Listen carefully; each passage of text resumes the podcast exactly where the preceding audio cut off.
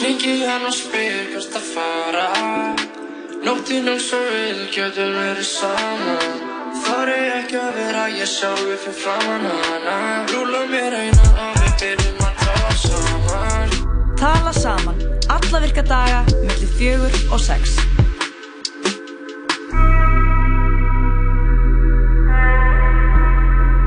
Það er nefnilega svo leiðis. Tala saman.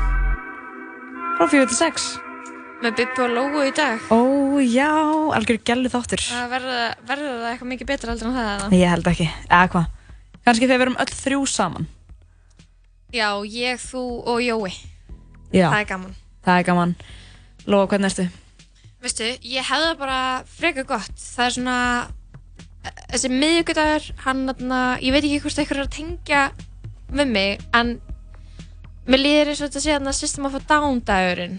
Þannig að, þú veist, dagurinn hann þú veist, það sem ekkert gerist. Já, þetta er... Hann, hann fjall einhvern veginn á milli þess að vera, þetta er bara svona no, nothing dagur. Já, svona dagur þar sem maður er alltaf bara hvað, hvaða dagur er þetta? Já, bara, og bara býð, maður er raunin bara að býða eftir einhverjum öðrum degi, sko. Einmitt, þetta er Eða svona hugsa- smá þessi venjulegi rútínu dagur hjá fólki kannski, svona Þú- fyrsti. Já, þú ert byrjuð í skólanum, Beba. Hvernig Já. er það? Það er bara indislegt, mér finnst það í alveg geggjað sko. Ok. Að vera þarna og það er allir eitthvað mættir í skólan og allir, að því er sko bæði áfengum þar sem fólk er að mæta um, á fyrsta ári Já. og þar eru allir svo vandræðilegir að það er ógæst að finna að bara fylgjast með með því. þið í Nei, þú busaskapi? í háskóla þá þarf maður náttúrulega ekki endilega að vera vinur allra sko. um að það er svo sem heldur ekki í mennskóla en það er svolítið svona eitthvað gert, þú veist, það er hópefli og eitthvað, eitthvað ferðir og eitthvað sem er alveg líka núna en maður getur líka alveg bara mætt og farið og þú veist, eitthvað svona droppað inn Já, maður getur bara verið eitthvað algjör, bara svona on your own, sko, í háskóla. Já, Það, þú veist, það er bara basic. og það er bara, samt stemningin er eitthvað svo mikið svona, fólk er að mæta í einhverjum pörum, þú veist, tveir, þrýr, fjór saman Ok. og það er allir einhvern veginn svona smá að horfa á alla og þú veist mjög fyndið bara að fylgjast með þessu, enginn þóra að segja neitt ef kennarinn er eitthvað svona já, er það ekki, er skrítið það er allir bara eitthvað Já, ég Mm. veit, þetta Og maður er er svo eitthvað- mikið í háskóla, maður er bara eitthvað, æ, ég vil ekki tala. líka í háskóla bíó, skilur það, maður er ekkert verið Getur eitthvað, fengið já, mic. mér finnst það þetta frekar skrítið og maður þarf ekki eins og komið rauk fyrir því þannig að allavega, þetta er stemningin og það er mjög góð, góð stemning núna það er svona algjört, þú veist já, haustið er bara Basic- komið, sko Við fögnum þessum basic dögum. já, já, Uh, ég ætla aðeins að krytta upp á hann uh, með tónlistaþeiman í dag. Ég ætla að vera að spila hérna, nokkur velvalin ástarsorgarlög. ástarsorgarlög Já. lög sem að er gott að hlusta á í ástarsorg Já, Ég get jafnvel komið nokkru laumurinn á milli sko. Ok, gott. Ég er alveg komið alltaf langan sko. lista, sko. Ég hef alveg bara sökti mér í þetta. En það er náttúrulega, það eru líka viðmælendur, það er ekki bara tónlist í dag. Það Og þau eru öll í ástarsorg Jú, jú, ymmið, það var krafan.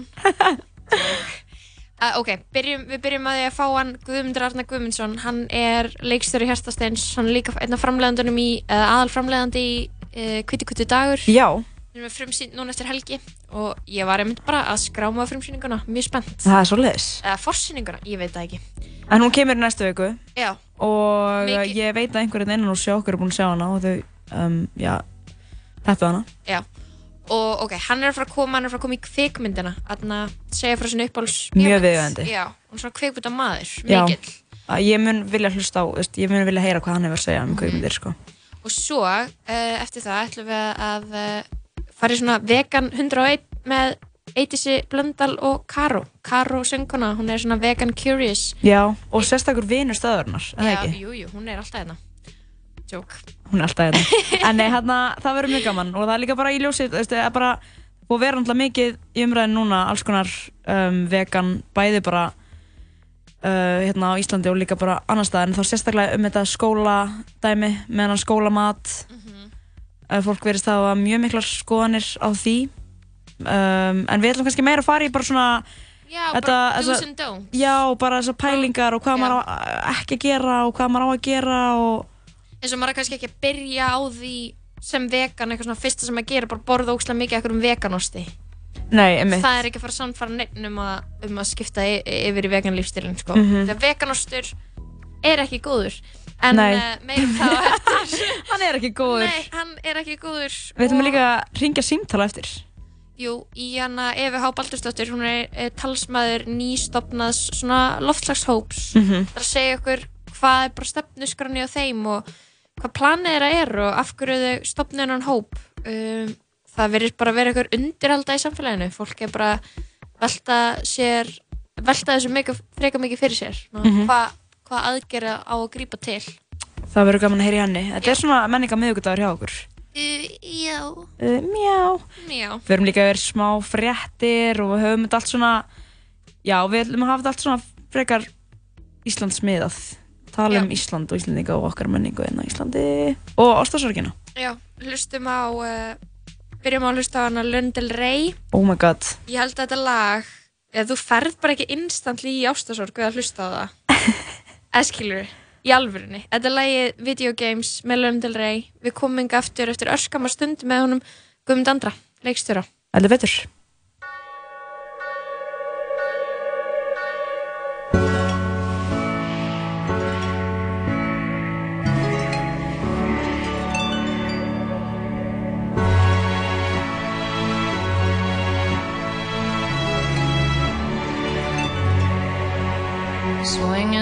Backyard, pull up in your fast car, whistling my name.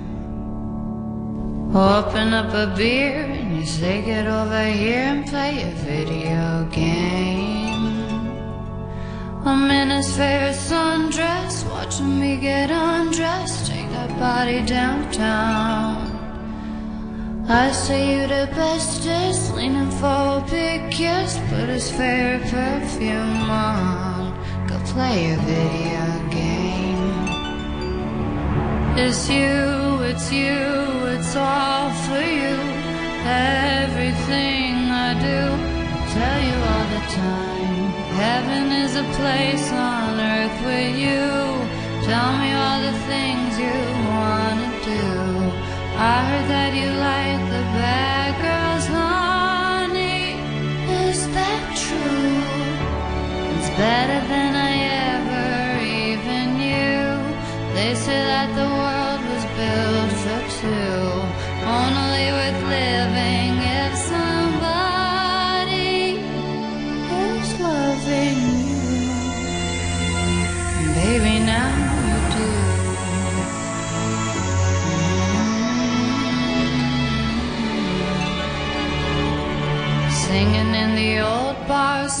with the old stars, living for the fame. Kissing in the blue dark, playing pool and wild dots, video games. He holds me in his big arms, drunk and I am seeing stars. This is all I think of. Watching all our friends fall in and out of old applause. This is my idea of fun. Playing video games. It's you, it's you, it's all for you. Everything I do, I'll tell you all the time. Heaven is a place on earth with you. Tell me all the things you wanna do. I heard that you like the bad girls, honey. Is that true? It's better than I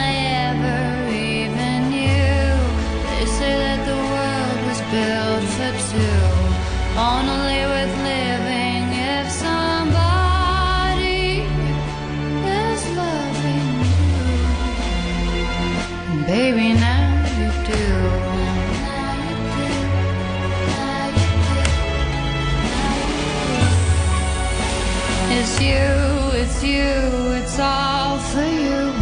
Everything I do, I tell you all the time. Heaven is a place on earth with you. Tell me all the things you wanna do. Only worth living if somebody is loving you. Maybe now you do.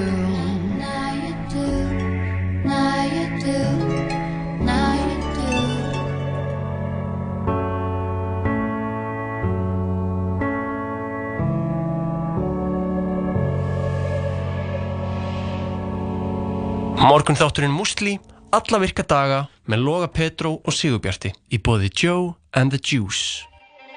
eins og boxbardagi tveggja stórleikara Yngvar E. og Hilmi Snær saminast loksins aftur á hvíta tjaldinu. Hvítur hvítur dagur kemur í bíó 7. september. Hamburgerabúla Tómasar, sam og seinast. Hamburgerabúla Tómasar. Velkomin í sambandið. Símafélag framtíðarinnar. Here I come. Sauerkraut? Níunda kvikmynd Quentin Tarantino Leonardo DiCaprio I'm Rick Dalton. Brad Pitt Here comes trouble. Charlie's gonna dig you. Once Upon a Time in Hollywood Komin í bíó Þú ert að hlusta á Útvarp 101 Útvarp 101. FM 94.1 Í bytni úr miðbæ Reykjavíkur. Við erum komið með hann Guðmundur Arnar Guðmundsson, leikstjóra til okkar í Tala Saman. Komdu sæl Guðmundur. Sæl, Hvað segir þú gott í dag? mjög gott. Þú bara hress? Jú, gaman að koma aftur til Íslands, ég er búin að vera í Danmörkunum í svona tíma, Ok, hvað lengi? Ykkur árið? í tvö ár. Já, Og þú ert bara sáttur hérna í rigningunni? Ég elska reyninguna. Og Er það já, málið? Já, fá vindin í nú- andlitið og já. já, já, byrja að sakna þess. Var engin regning í, í Danmörku þá? Ég trúa því. Jú, en, en vantar vindin, Já. vantar svona mótstöðuna. Ég held að þú sért einn þarna sem að elskar rigningu og vind. En hérna, hvað ertu búin að vera að gera í Danmörku? Svona, okkur eins og því. Ég var að eignast barn, Já. já, Nice. Það. Eldei Guðmundsdóttir. Gekkja nafn. Eh, Já, takk fyrir. Uh, E hún er LA, er það að kalla það í, í? LA? Já. og hún segir einmitt hæ hæ þegar hún er að kveðja fólk. Já. Og, já, og hún er 14 mánuða núna. Oh my god. Til hamingi með hana. Takk fyrir. Bippa bjón alltaf mjög lengi í Já, Danmarku. ég er nefnilega alveg upp í Danmörku sko. Já. En ég dyrka að heyra þegar að það er fleiri þar sko. Já, með indislega borg. Já, er fjölskyldum minni er þar og þannig að ég er alltaf, alltaf með annan fótinn. Nice. Þú ert kveikmyndagerra maður, þú ert leikstjóri, þú ert líka framleiðandi, eða það ekki? Já, já, við erum með framlæstu fyrirtæki John Motion Pictures, ég og Anton Mhm. Máni. Ok, og hvað er nýjasta verkefni ykkar? Það er hvítu hvítu dagur, eða hvað? Já, Kvítigutu dagur eftir Linn Pálmarsson Já. og Anton Máni er svona framleiðandinn þar og ég er svona yfir framleiðandi, Já. svona Mhm. smá villandi titill sko, af því að í raun og veru er ég bara svona að styðja við Anton.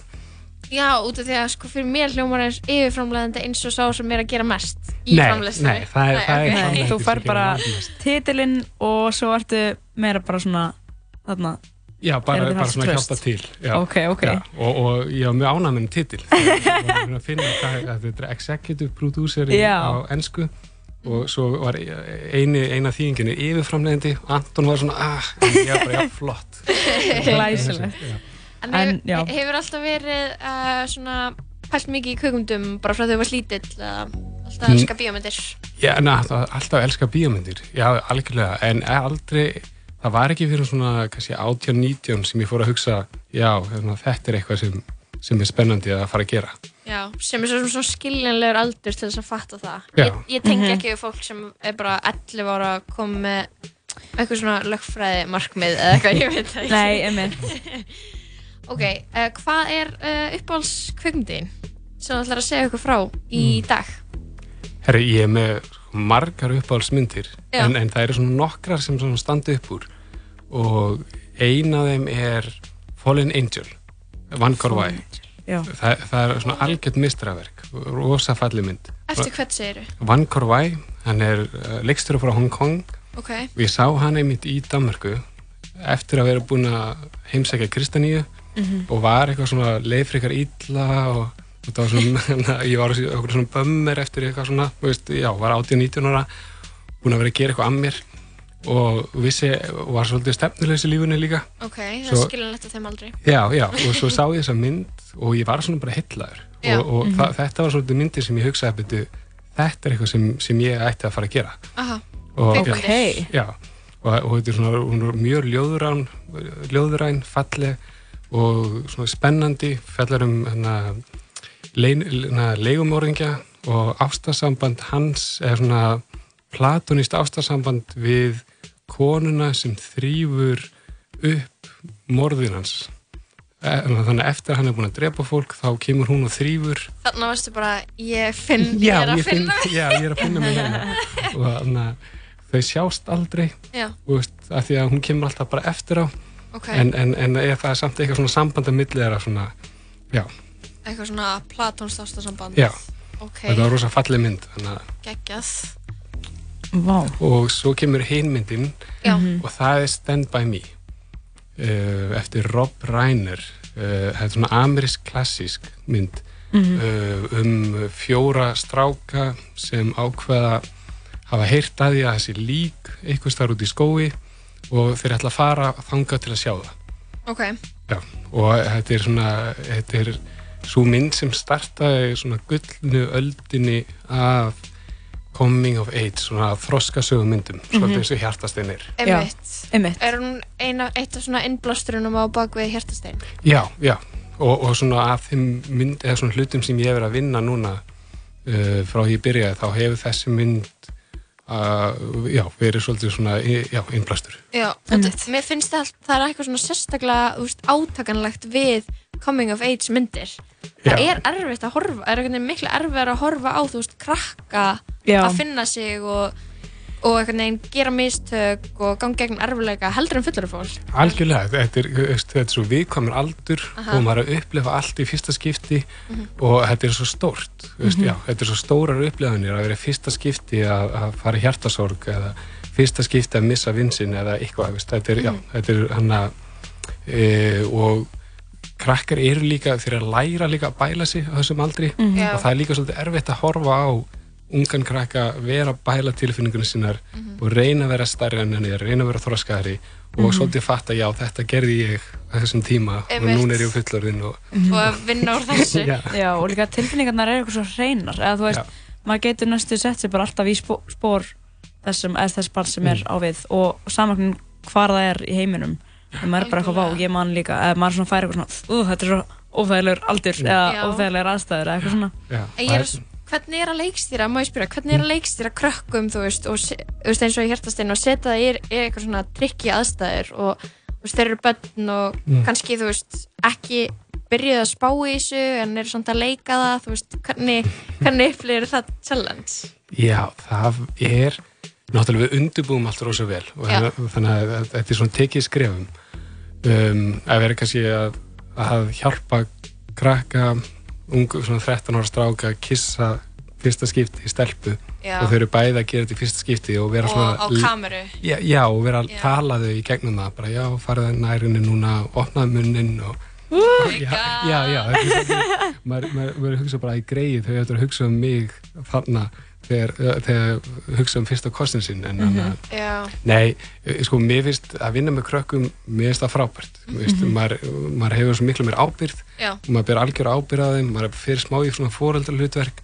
maður verður stundum svona skólastjórinn sem er svona stífur og, og smá ákveðin og, og skamma og, og, og svo önnur, önnur blík þá er maður vinir og fara, uh, veist, já, fara að upplefa aftur veist, aðalega bara þetta upplefa hennan aldur aftur veist, að tengjast aftur svona úrlingnum í sjálfum sér Já. Geggjað. En kannski svona að lókum, hérna segja okkur aðeins, myndin Hvíti hvíti dagur hvenar fáum við að sjá hana? Her, hún er frumsýnd hún er forsýnd núna 3. september og mm Mhm. frumsýningin kemur svo 7. september Spennandi. Eh, Já, og þetta er Og- alveg mögnu mynd og Linur Pálmarsson er, er bara stórkostlegu leikstöri Mhm. Já, bara Við hlö- hlökkum bara mjög mikið til að sjá hana.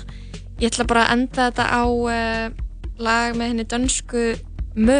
Á maður ekki að segja Mö? Uh, jú, Mö. jú, jú, það er bara flott. veistu hvernig ég er að tala um? Jú, jú, ég veit alveg hvernig Hvern, hvernig segir maður þetta á dönsku? um, sko, það er bara mu, uh, mu. það fer eftir hvort, hvernig öða er þarna sko. en hérna, er þetta ástarsorgar laga? Já, þetta er, þetta er Við erum svolítið með þema í dag, ástarsorgar lög. Já, ég veit ekki, mér vantaði eitthvað svona dramatík fyrir hennar miðvíkudag og var, svo, þetta var svo ótrúlega venjulegu dagur. Mm. Er þetta búið að vera vennilega dagur þér, Guðmundur? Við erum búin að vera að hlaupa hlaupum sko, ég og Anton Já. Þannig er það bara að vera komin aftur til Reykjavíkur, Já. sko. Þetta er bara, það er bara alltaf rush hour. Það er bara hérna. borgkvíðans. Mm. Já. Þakkum Guðmundur Andra kærlega fyrir komuna. Eða góðan dag. Takk fyrir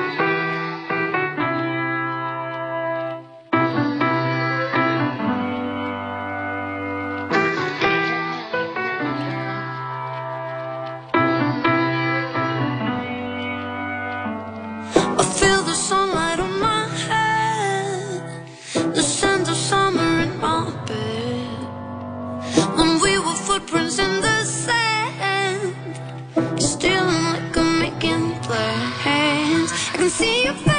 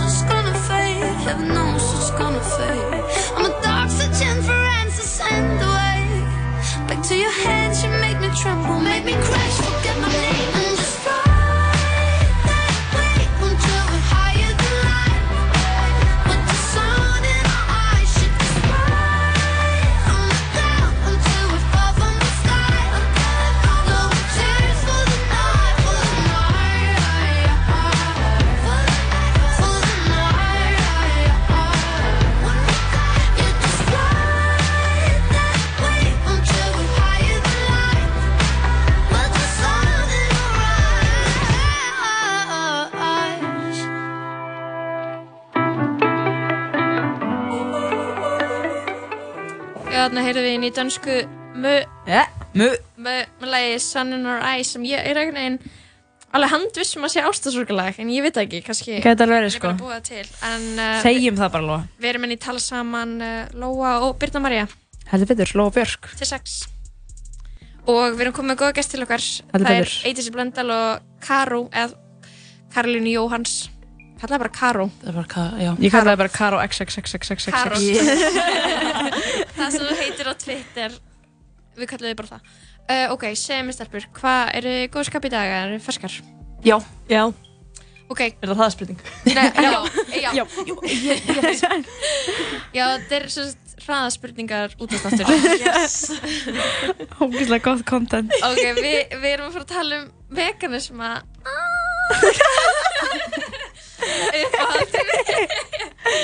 yes uh, Karó, þú ert er það ekki rétt sem mér, þú ert svona vegan curious þessi dagana Jú, ég er búin að ákveða að transitiona yfir í meira svona plant-based uh, Mhm. lífstíl. ok, Eidís, þú ert uh, vegan Oui, je suis vegan. ok, hvað ertu búin að vera vegan lengi? Mm, eitt ár og einn mánuð í september. Wow. Congrats. Svona, ættum við að fá svona badge eins og AA með Ég hugsaði þetta, ég ætti að vera með svona, hálsmenn. Já, það er Oh ekki galin pæling. Sko, Hva- hvað er að byrja? Við ætlum að, við að kalla þetta 101 vegan. Vegan 101, svona Vegan Vegan 101. áfangi í mentaskóla Já. Það er margir, margir að velta fyrir sér þessa dagana og þessi Mhm. umræð er að koma upp um, veist, kjötneyslu og uh, umhverfisáhrif bara í Mhm. kannski tóltaskiptið eða eitthvað, Mhm. skilur Já. En nú er Svona- fólk orðið svona actually hrætt, skilur. Og líka Já, kannski alls já. konar fólk að tala um þetta sem tala ekki áður um þetta, finnst mér. Klálega. Ég held að það sé móttakilegra núna. Mhm. Og allavega þú ert að Karó, þú ert að hugsa bara eitthvað, ok, á ég að gera það, skilur og hvað, hva, þú veist, hvað spurninga vakna, þú veist, hvað er, hvað kemur í veg fyrir að, þú veist, veist, hvað er það sem þú veist ekki um þetta að þú hellir í þennan lífstíl? Sko, ég, ég, þú veist, ég hef stúderað þetta frekar vel. Þannig að Ok. er ekkert eitthvað, það er ekkert allt og margt líka samt að því að, þú veist, fólk eins og 80s eru búin að vera að tala það mikið um þetta. Já, já, en þú veist, það sem, það sem er mest að veltast fyrir manni er þetta svona, þú veist, það, eða það sem ég er svona ekki bent stressuðist fyrir en samt svona pínu Ok. er svona, þú veist, eins og í social situations og eitthvað svona, þú veist, Já. að fara í matarbóð, að, þú veist, um, já, fara út að borða, en þú veist, en það er samt náttúrulega, vandamál er að verða færri vegna þess að, hérna, frambóðið er að verða meira. Algjörlega. Ég, ég, ég meina, ég tengi við að skilur að fara í matabóð og vera með, uh, hvað segir maður, mataræði sérþarfir og Mhm. Að fólk veri pyrrað, skilur Já. við, Já. sem er geð skiljanlegt. En líka bara, þú veist, í hvert skipt sem maður borðar og það sé eitthvað svona Jæja, segð þú mér aðeins um hérna segðferðið þitt og darara og maður er bara eitthvað ah, Mér langaði eiginlega bara að borða eða þú veist Já, já, já, já, einmitt. Og einmitt, maður fær oft leiðileg komment og maður er bara eitthvað uh, ok Æ, þið veitir Já, út í að þetta er bara, maður er bara að reyna að næra sig, eða skilur en ekki tala um þetta. Já. En svo er þetta samt líka eitthvað sem maður hugsa mjög mikið um þegar maður er að horfa til dæmis annað fólk bara kjöt. Mhm. þá, er þetta, þá er það líka, skilur þá langar mann að spyrja hinn að mannskina. Já. En maður gerir það samt oft ekki, sko. Það er svona, maður er ekkert af hverju ertu að eitthvað, hvað Nei, ertu að maður hugsa er ekkert núna? að questiona Nei. normið. Og líka með, þú veist, ég segi þetta enda oft, þú veist, ég var, þú veist, ég borðaði kjöt í 24 ár, skilur við Þannig Mhm. ég skil alveg þegar fólk er að borða kjöt, ég man ennþá hvernig þetta var, skilur Já, ég man já. ennþá bara eitthvað svona að maður var bara að borða, þú veist, og fæði Mhm. ekkert meir í Og þú veist, þannig að ég er einn þú sína þann skilning, bara eitthvað, þú veist, ég er ekki að bögga bara eitthvað mömmu mína í hvert skipti sem hún er að fá sér mjölkuglas eða eitthvað Nei, þú veist. nei. En hérna, ef maður reynir að tala um þetta í svona öðrum aðstæðum Það er oft sagt, þú veist, ekki tala um veganisma á meðan fólk er að borða Það er já, bara eitthvað geðið grítur jarðvegur og bara ekki endilega fólk eitthvað að fara eitthvað, já, heyrðu, heyrðu, þá þessu Ég bara og Já, það er bara í því mómenti að borða. sko. Já, akkurat. Já. En hvað er að þú veist, veistu hvaða, þú veist, veganvörur, þú veist, þú átt að fá þér þegar þú ert að skipta yfir í veganisma? Nei, það er líka eitt sem ég er búin að vera svona að spyrja vegan vini mína út í, þú veist, hvað þeim finnst besta, Mhm. svona bestu substitútin, Mhm. um, bara til að vita af því í rauninni, sko. Hver eru bestu substitútin, vegan substitútin? að ég segja Já. Mhm. Ok, þú veist, mér finnst, ok, fyrsta lagi finnst mér alveg mikilvægast að fólk svona, þú veist þegar maður verður vegan, eða þú veist þá, stærsta breytingin fannst mér í mínu, mínum haus var bara eitthvað, ok, þannig að maturinn minn er ekki lengur kjúklingabringa, kál og hrísgrón þú veist, það, ég bara borða öðruvísi Já, og það já. tók bara, veist, það tók alveg hálft ára að hætta þessu, þú veist, eitthvað svona ok, ég er komið með salat, ég er komið með kartöflur og hvað ætla ég að setja, þú veist, svo setja ég bara eitthvað, umf, eða eitthvað. Já, já, Þú veist, ég er bara að borða ég elda bara vatn minn öðruvísi og nálgast hann öðruvísi. Þú veist, þannig að ég er ekkert alltaf eitthvað svona nú ætla ég að fá mig kjúkling nema ekki kjúkling, þú veist. Ég er alltaf bara eitthvað, ég ætla að fá mig bara eitthvað næs, Mhm, eða þú veist.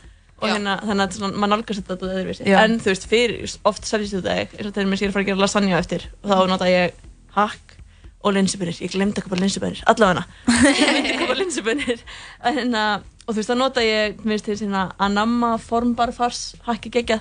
Hvað er farum Anamma, Anamma. Anamma, ég veit ekki Ok, hvað- úr, úr bónus úr bara. bónus. Já. og bókstælega sko, þú veist, það, ég held að pókina því þetta er svona kíló og pókina því kostar svona 500 skall Já. þú veist, wow. meðan kíló hakki kostar svona 20 skall. Já, ok. Þannig að, og þú Við ert erum að fá að uppræta mythið um að Mhm. veganismi sé dýrari. Nákvæmlega, og þú þetta að fá álíka mikið prótein, magn og miklu meiri trefjar. Ok. og það er enga trefjar í kjöti, ógstlega mikið trefjum í soja, því að Mhm. soja er náttúrulega bara baun. Mhm. þannig að það er næst En eins og smjör og ostur og þú veist, hvað með egg? Og allar þessar hluti sem eru, þú veist, einfaldir og eitthvað svona. Mm, já, þú veist það er til ógstlega næs smjör sem ég veit ekkert hvað heitir, það er svona svörtum umbúðum. Naturli. Naturli, já, það er mjög næs. Og svo bara eitthvað verður bara kveðja ost for the greater good. Er það? Já. er ekki að koma enn góður ég, veganostur ég, eða? kannski einn daginn, en þú veist. Það er bara ekki til góðu veganastur. Reynda fyrst mér eitt næs sem er hérna kjúklingaskingu osturinn frá Violíf allt, Ok. þetta er svo mikið þversögn. Hvað bara er eitthvað kjúklingaskingu ostur sem er vegan? Það var einhver sem nefndi þetta og bara eitthvað svona, já, kjúklingaskinkan bráðunar get næs á brauð. Og ég bara, Hæ?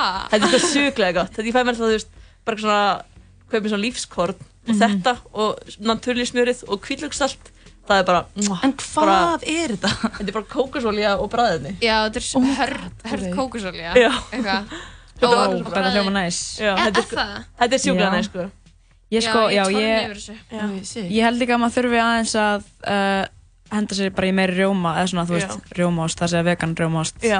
Hann er þeir eru góðir, sko já. Hann er góður Já. Það eiginlega oftast sko er vegan rjómastu góður nema held ég mest Violife rjómastur en ekki góður Nei, einmitt. Eitthvað svona þegar rjóm, vegan rjómastu verður of mikið eins og eitthvað svona með svona rubbery áferð Hmm. þá er hann ógeð Já, en veist, Oatly getur bara er er bara að mjög góður. Ótlið er góður og jósa og allt þetta dót, sko bara pæli líka fólki í hótli, ég er að gera góða hluti þau eru bara svona einhverju svíjar sem eru bara eitthvað ég að tilenga lífið minni þess að geta búið til rjómaost á þess að þurfa að næðka kúm Mhm. og þú ert bara eitthvað, bara takk, góða fólk og þau gerir svo ógeðslega mikið af góðum förum eins og uppáhaldi mitt frá er semi sko uh, oh my god, hvað heitir það?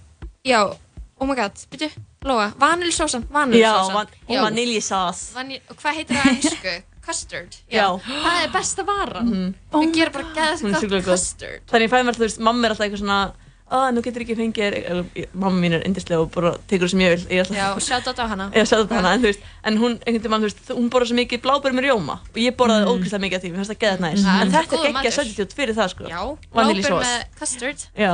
Oh my god, ég var Nice. sko bara í dag að reminissa um custard af því að ég ólst upp þarna, ég var í grunnskóla í Skotlandi Mm. og það var alltaf fucking custard Já, já, og þú veist sérstaklega út af þessari þú veist, umræðu með mat í skólum eitthvað þá er ég búin að vera bara það sem ég myndi gera fyrir gott custard. Bara fyrsta sinn sem ég fæði þessu hugsun og Já. núna, já, núna líka Hún með getur bara- Oatly custard. Ég held mér að segja til að sé ekki til sko venjulegt custard á Íslandi. Nei, ég hef aldrei séð hana blað. Það er bara ekki búið minna og heldur Mhm. ekki valla Eftir, alls konar hlutir eins og lemon curd og Mhm. það er ekkert að fá sti góðan stykki toffee hérna, það er bara ógíslega mikið af góðum eftirréttum sem við erum að fara á eftir hana. mis við Mhm. Já. Ok, uh, allavega Höldum aðeins áfram hvert sko vorum með spurningarnar Já, já, já. Sko ég hef fullt af spurningum Mhm. af því ég held líka að margir séu sko svona eitthvað, ok, 1. september að það kemur eitthvað svona Mhm. tímamót skilur, þá er eitthvað, ég ætla að prófa að vera vegan í þú veist, mánuð eða viku eða út árið eða eitthvað Mhm. að þá fólk byrja kannski bara að borða bara græmiti Mhm. Og ég er bara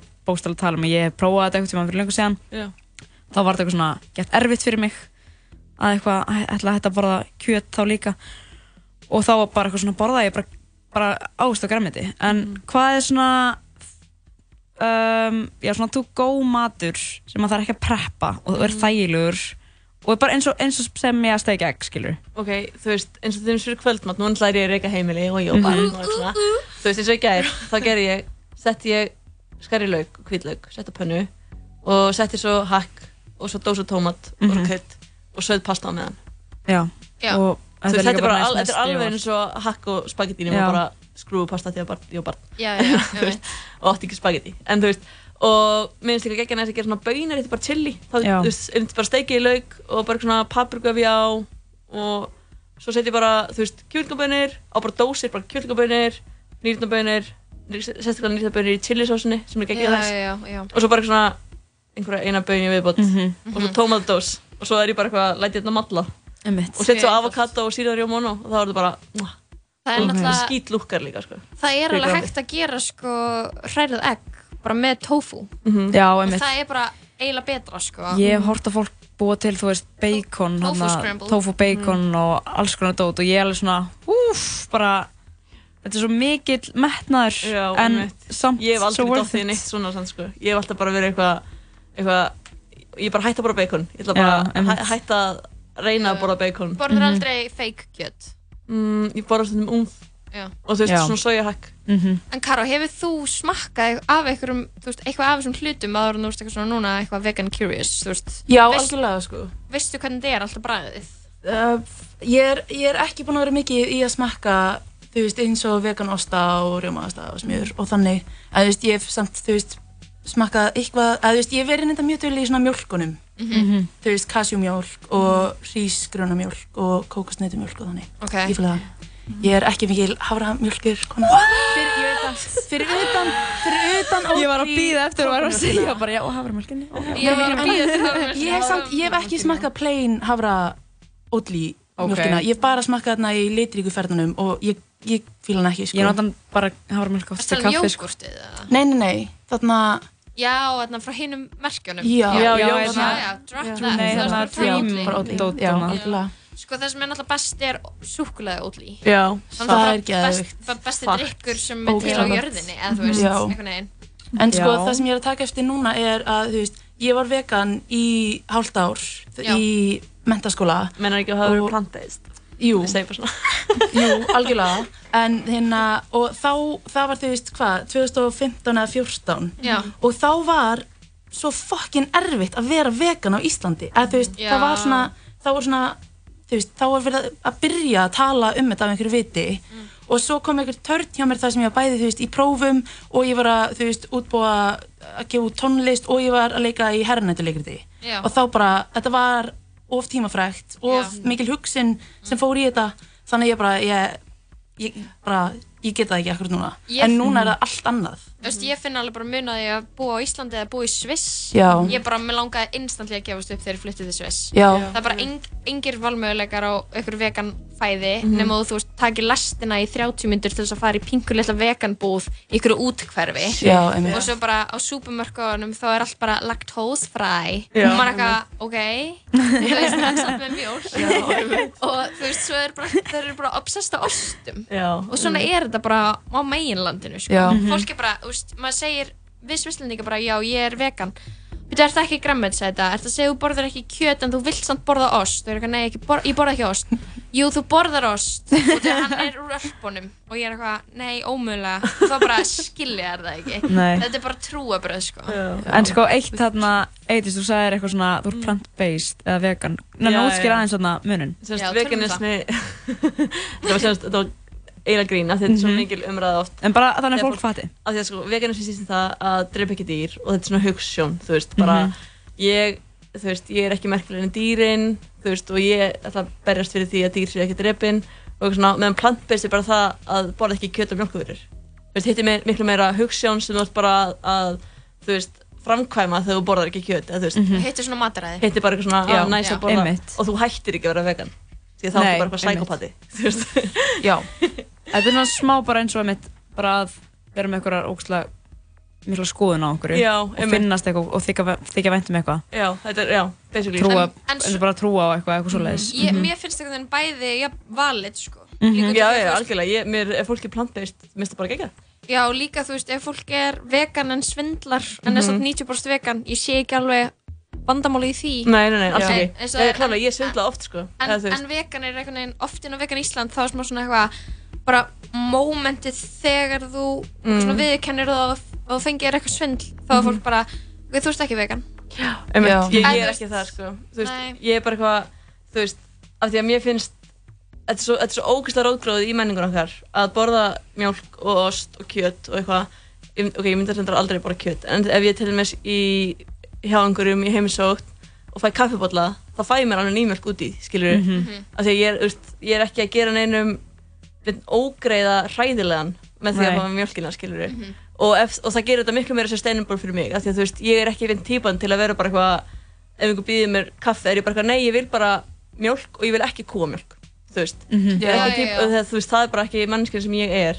Og ég er ekki þannig, ég framfylgja mínum prinsipum, þannig að þú veist og ef það gerir mig, þú veist, og líka, fyrsta lagi það er engin, þú ert ekki að skrifa undir neitt þú verður vegan, þú veist, þú ert ekki að vera eitthvað nú ætla ég að, þú veist veginn, tala við ykkur hérna aðstu nefndina og ég er vegan og ef ég brýt þá reglu þá er ég ekki lengur vegan. Þetta er bara mín Já. ákvörðun og bara ég lifi mínu líf eftir mínum prinsipum og bara frábært. Það sem ég, þú veist, er búin að ákveða að gera er að því ég bý ennþá heima meðan ég er í háskóla þá, þú veist, ég ætla að hætta í fyrsta lagi að borða allt kjött bara, þú veist, bar none.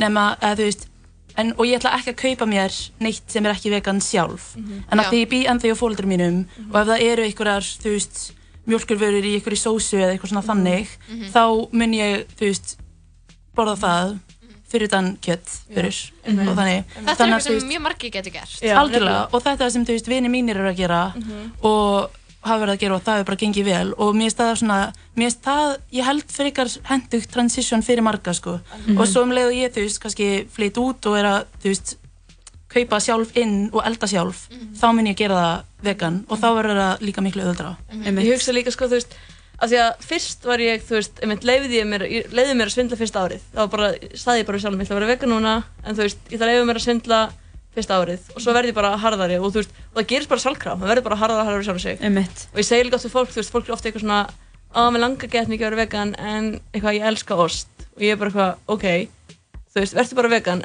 en borða bara ost, það er enginn að fara að segja þér að þú Já. sért ekki vegan eða þú veist, Já, gerðu bara það sem þið langar til að gera og ef það að þú viljið bara ost sé að stoppa þig að, þú veist, það að vera vegan og þess að þá bara kjöt og allan fjandan, skilur Já, eða þá líka hversu mikið ost ert að borða að þú ert að borða heil og halvu diskan af ost. Það fer illa með líkamæðin Nákvæmlega. og bara ekki, þú veist, þannig að ef þú ætlar að þér ost einu sinni í mánuði með vinkoniðinum, gerðu það þá bara Það er líka, Bara flott. það er samt líka eitthvað dæmi í ost sem gerir mann mjög háðan honum Mhm. Það er eitthvað efni sem er ég held bara að sé bara bókstala, þú veist, kúamjólk eða þú veist, að því að mjólk er náttúrulega svo lífslöðslega fyrir dýr Já. að við séum bara eitthvað að þau drekka mjólk séum við bara gett háði af því að það er lífslöðslega Mhm. fyrir þau Það meikar sens sko en ég, þetta er engin vísindi, ég er bara giska Þannig að ég held að sé trend líka þegar að krakkar á okkar aldrei fara að búa einir að heimilegin verða bara kjötlaus og þegar þeir fara til búð Mhm. þau fatta hvað kjöt kostar mikið Mhm. og þegar mamma og pappi er ekki að kaupa það Mhm. þeir eru eitthvað svona ha? Mhm. og bara langar ekki að þú veist að tókst þú eftir að þú veist þegar þú ert búin að halda heimili áður en þú varst vegan Mhm. mm og tókst eftir eitthvað svona mun á bara sko. hvað það kostaði að kaupa í matinn eftir, eftir að sleppti kjöti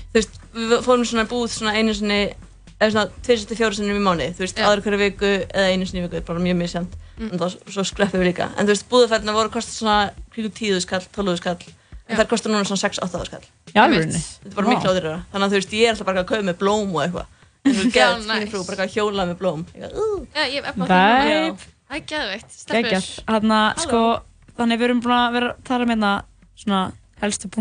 vera að að. Mm. Við erum að tala um að maður er að hugsa aðeins öðruvísi um máltíðina. Finnst það mjög góða punktur á þér. Já. Með svona að sé ekki bara já, salat, hrísgrón og þú veist, svo er aðaldótið, eitthvað eins og kjúklingabringa eða kjöti eða þú veist, það umf eða eitthvað þannig dót, heldur, um þetta bara frekar að sé eitthvað svona, Mhm. bara eitthvað good shit máltíð. Mhm. Um, maður verður smá að segja bless við góðan ást ef maður ætlar alveg að vera vegan, vegan þú veist, alveg hægt að borða hérna, mjölkuverur og svo má svindla Þú veist, og sérstaklega í svona transitioni eða þú þið langar til að vera vegan þú veist, ég er ekki að segja að þú veist, markmið mitt er alltaf að vera 100% vegan Já, já, þú veist, og ef það er alltaf lokamarkmiðið þá er Approaching bara, zero. já, þá er bara Mhm. transitionið, þú veist, saman hvað, hvað það tegir langar tíma ef markmiðið er svo alltaf að hætta að vera í þessu transition phase og að vera bara vegan Mhm. Já. þá er það bara gott og gilt fyrir mér Uh, ég er með loka spurningu, innsenda spurningu frá hlustanda. Ég vona að eitthvað finnst ekki leðilt að fá svo spurningu en þú veist, prumpar maður meira ef maður er vegan. Mm. Af þessum bönum. sko, það Þetta sem er mjög gerist, góð þetta er mjög spurning. góð spurning og legit, en þú veist það sem gerist er að við erum að borða svona, þú veist, 15 til 20 gram af trefjum á dag ef maður er kjöt þetta, bara svona Já. typical western diet, þá erum við að fá allt og lítið trefjum, þú veist, af því að við erum að borða svo mikið af kjötu og mjólk og það er engar trefjur í kjötu og mjólk og svo fer það að borða, þú veist, vegan og þá, þú veist, þetta borða miklu meira af baunum og grænmeti, það sem þú færð prótinin og það sem það færð, þú veist, næringun sem þú þarft og auk þess trefjar sem eru sjúklega nöðsynlegar fyrir okkur, þú veist, við, þú veist, við eigum að vera að borða svona, þú veist, það er ekki topp limit að því hvað er holdt að borða mikið af trefjum bara því fleiri, meiri trefjum við borðar því heilbreyðari er Mhm. líka með Ok. og þú veist, og það er ógstlega mikið fyrir bara líka starfsemi og þetta er líka tengt við, þú veist, bara alla helstu lífstíðsjúkdóma sjúkdóma, eins og þeir með hjarta aðeins sjúkdóma og diabetes og sikursíki og jafnvel krabbamein, Alzheimer Mhm. uh, líka geðsjúkdóma að þú veist, ef, ef sem sagt, þarmarnir og göttið allt virkar ekki nógu vel, þá ertu útsettari fyrir þessum sjúkdómum. Mm. og ég er ekki að segja að þungt fólk eigi bara að borða meiri bönir en þú veist, en er bara, það eru tengslana milli. Og þannig að sem sagt, það er geggjað að borða mikið að trefjum af því að það er gott fyrir meltinguna. En það sem gerist þegar þú byrjar allt í hennu að borða svona mikið að trefjum er að líka um fer bara í smá sjokk ástand og það er bara smá tíma aðlægast til þessum nýja mataræði. Já. þannig að þú veist, já þú prömpar meira í svona mánuð. Já, en líka bara, þú veist, bönir eru, þú veist, líka bara, veist, það er vinna að brjóta það niður og, Mhm. þú veist, ég, ég held að, þú veist, það sé alveg auðvelt að sjá eitthvað svona, ég var eitthvað að googla bönir og svona mikið, þegar ég var alltaf að borða bönir og þú veist, þær eru alveg ekkert eitthvað allar, eða þú veist, þær eru er, miserfiða fyrir fólk að Mhm. melta, Mhm. það er ekki rétt sem er, þær eru svona flóknar að brjóta niður, veist, með eitthvað svona meltingavandamál, þá áttu ekki að vera eitthvað að borða eitthvað 17 bönir. Nei, nákvæmlega. en þú getur all, líka með getur alltaf höndlað, þú veist, lófa af bönum Já, og einmitt. það er bara holdt, Já, skilur við Líka líka minnin getur vanist basically hverju sem er. Já. Nákvæmlega. og við erum bara bú- búin að þú veist að afvenja líkamann okkar að vera með eðlilega líkastarfsemi eða þú veist, Mhm. það er bara svona lítið að trefjum og svelta eitthvað svona mikið Og af líka trefjum. bara normalæs prump. Er það ekki partur af Nákvæmlega. þessar hreyfingar? Það er allt, það er allt annað hérna, one on one bara, eða, prump 101 sko. Já. Það er allt annað umræða sko. Við þurfum bara normal þess að prump. Þið verða að fá mig í þá. bara allt, alltaf lengi karu. En þetta var geggjað. Það var ógslag gaman að fá okkur hérna til okkar í það, það spjall og það er nóga spurningum greinlega líka sem að, Mhm. þú veist, maður er alltaf líka að fá okkur að pælingar. Hvað myndi ég gera ef ég væri ekki að bara þetta eða eitthvað? Ég vegan 102 næsta áfanga. Þegar Karó er búin að vera vegan í Er það ekki vikur. 201? Nei, hvernig er það? Ég var í bekkakerfi Ég var ekki í áfangakerfi. Uh, Ok, Jú, bara að eftir mánuð, svona recap. Já. gera það. Uh, Bibba, við ætlum að halda fram að spila tónlist, já. tónlist. Hendi Og- eitthvað juicy hérna sko. Ég ætla að setja á hana bestu mína Miley Cyrus, Adore You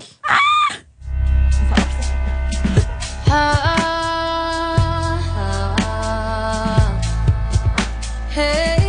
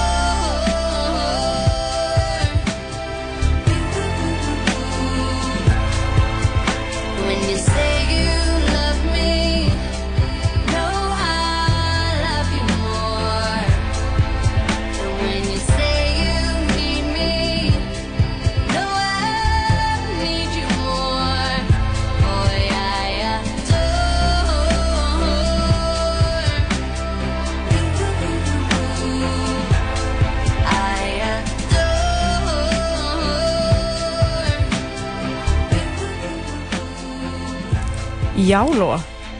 Þú sagði að þetta væri ástarsorgarlag. Já, var ég eitthvað miskilja það? Nei, sko, þú sagði þetta reitt að alltaf þegar maður hérna, er í ástarsorg, þá verða svona lög líka ástarsorgarlög, þó séu kannski Já, í grunninn ástarlög. eitt af mínum uppáhalds ástarsorgarlögum er bara Love Me Harder með Ariana Grande. Já, það er svo veist, Þegar maður, uh, þegar ástin fer, ég er ekki í ástarsorg, ef Nei, ég heldur en ég og Thomas Kane sem hætt saman, það er ekki þannig, sko. En já, ég man, sko, það var stóra ástarsorgarlagið mitt og að það var svo mikið bara Love Me Harder, skilur bara meira ást, því að maður var að missa ástina. Mhm. Og Adore You er bara, skilur til einhverja mannesku Einmitt. sem er, þú veist, Og- kannski eða þú ert í ástarsorg, bara farin. Einmitt, og þú bara heldur áfram að samt, elskan, elska hana, manneskina. Ástin er lengi að fara stundum, sko. En ég er með eitt harkalegt ástarsorgarlag sem að við verðum að eiginlega hendi hérna næst. Þetta er Sara Larsson sem að komið mitt hérna til Íslands fyrir hvað, tveim vikum síðan og, þreymur og spilaði með Ed Sheeran. Hún tók reyndar ekki þetta lag en þetta er svona ekki laumulag en þetta er ekki eitthvað svona vinsalsta lagið hennar. Þetta er ok. ekki partylag. Þetta er lagið I Can't Fall In Love Without You og ef maður hlustar textan þá finnir maður bara fyrir því að hún hafi verið í ástarsorg þegar hún var skrifan sko. Og syngja að þetta líka. kæri hlustandi búðu undir tilfinninga rússibanna. Við erum að gera hennan miðvíkudag eildi dramatískar en hann þarf að vera. Mm en stundum þá gleymast miðvíkudagarnir svona Þeir gleymast þeir vilja gleymast. Við ætlum að hlusta á hana Suri Larsson. Og komum aftur innan skams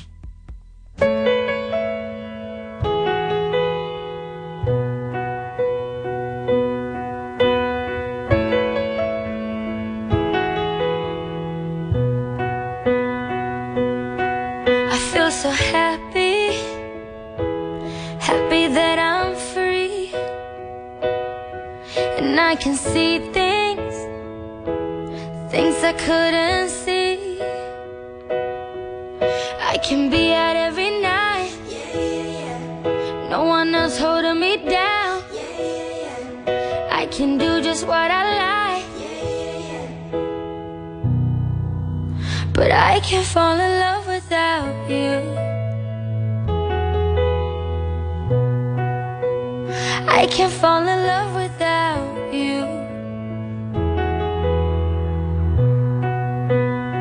I can't fall in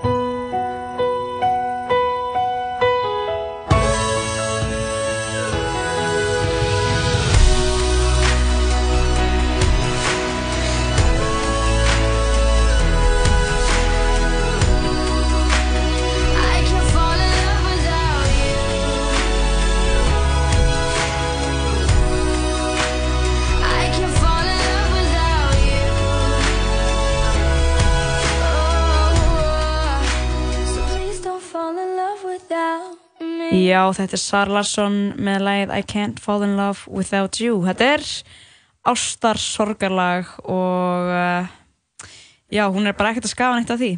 En við erum bara að spila svoleiðis lög í dag, ég og Lóa Björk og uh, við erum að fíla það.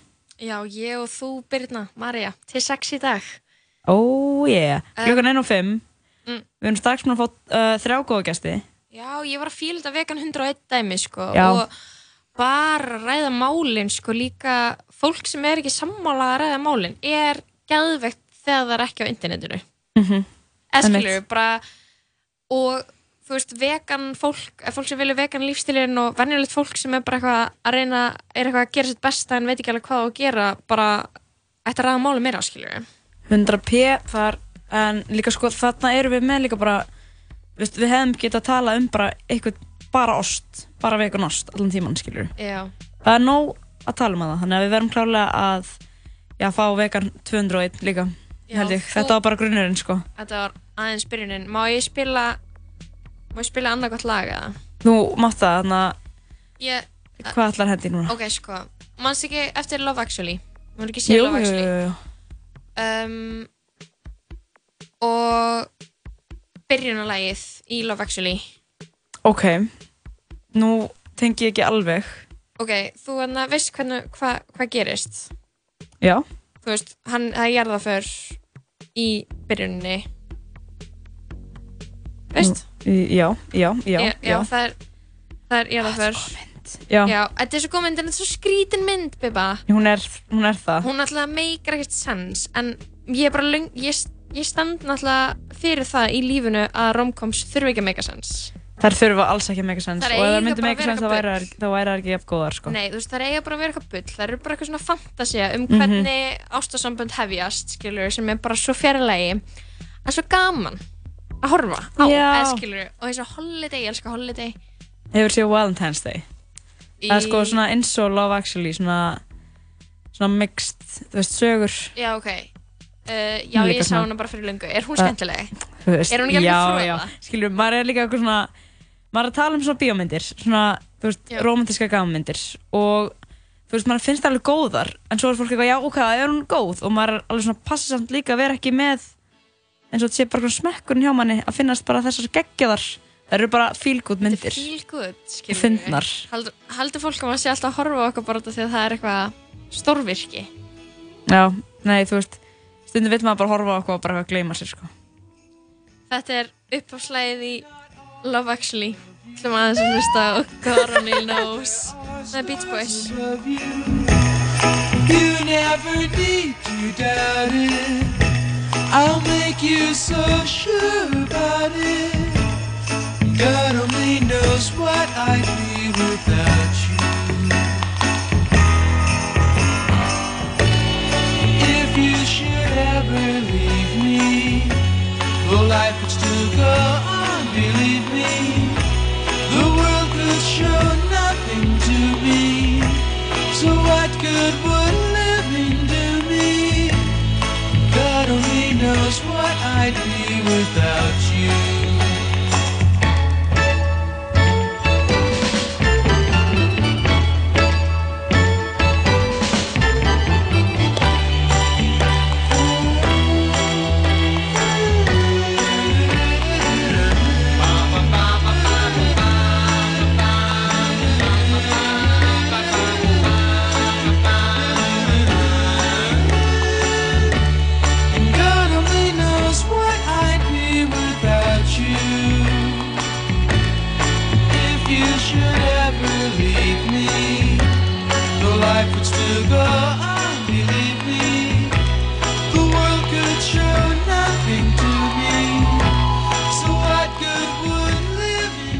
Þetta er upp á slæðið í uh, Love Actually.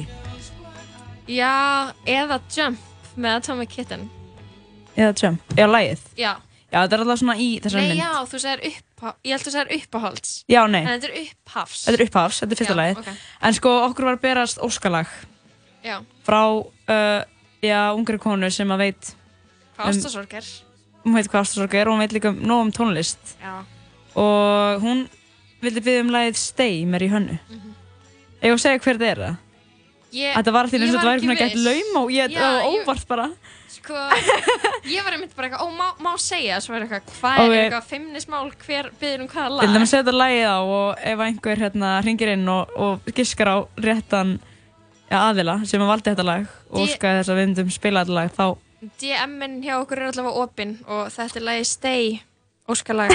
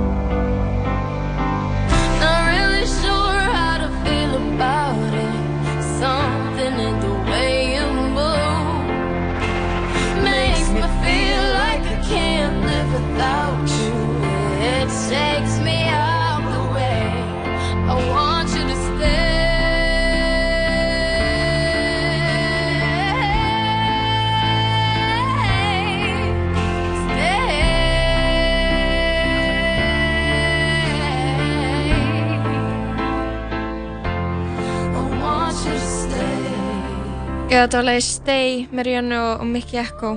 Þetta er frábært lag. Svo gott. Fyrir alla aðnóti sem er í umferð og eru núna búin að vera svona laumu reyna að syngja hátt með án þess að neitt við hliðin að taka eftir í. Sjáttu það ykkur öll.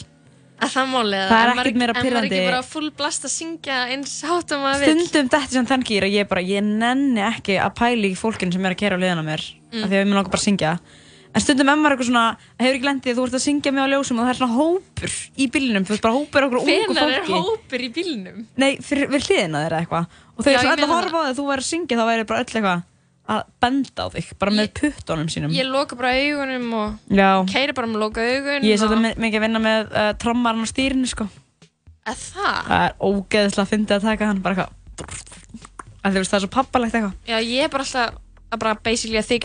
að að bara að það ég að að að syngja. On full blast. En fyrir þá sem er líka búin að vera að pæli því alltaf hver það var sem að baða um þetta lag það var Dóri Júlia Já, þetta er eina hennar, eitt af hennar bestu Óskar, nei, hérna, vá, ástarsorgarlögum. Ástarsorgarlögum. Ég er alveg mjög steikt á því í dag. Þannig að þú ert búin að vera stekt að því núna í svolítinn tíma Jú, bara í kannski heila viku. Heila viku er bara svona eins og ég sé búin að vera að vinna með eitt, hvað, eitt tíunda venjulegri heilastarfsemi. Já, það er líka nóg að gera, þú ert að halda uppistanda á, fimmtudaginn Já. Fimmtudagskvöld og ekki fyrsta sinn Nei, eða fyrst skipst á kegs. Já. Það verður forólegt að sjá hvernig það mun koma út. Heldur betur Ég er bara peppuð, sko. Eða, þú veist, mér er alltaf gaman að prófa nýjan stað. Eða, skilur, Mhm. ég er ekkert eitthvað föst á einum stað. Einmitt. Hún var svolítið föst, jú, reyndar í, í útvarpi. Í útvarpi Og útvarstætti. Við ættum að prófa að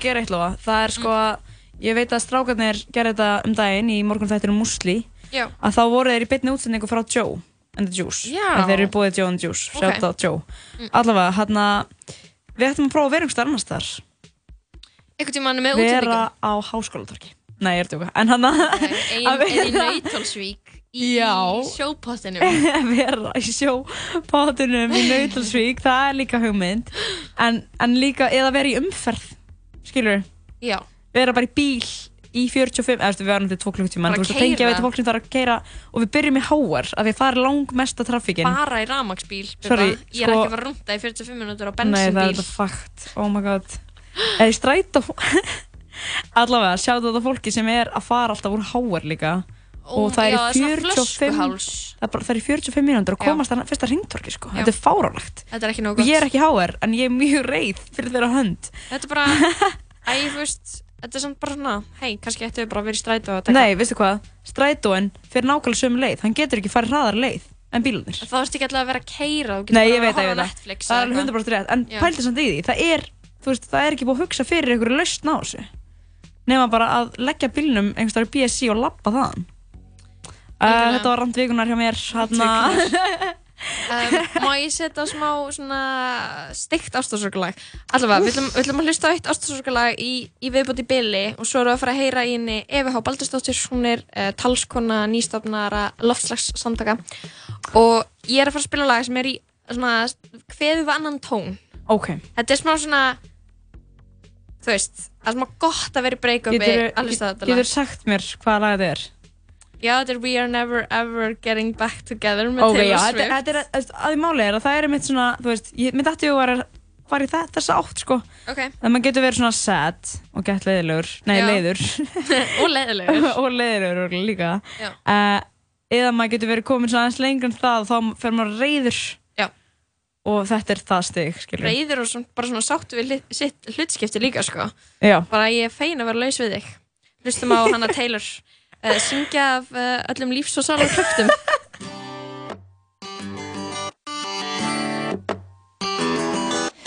I remember when we broke up the first time, saying this is it, I've had enough. Cause like we hadn't seen each other in a month when you said you needed space. What? Then you come around again and say, Baby, I miss you and I swear I'm gonna change. Trust me, remember how that lasted for a day?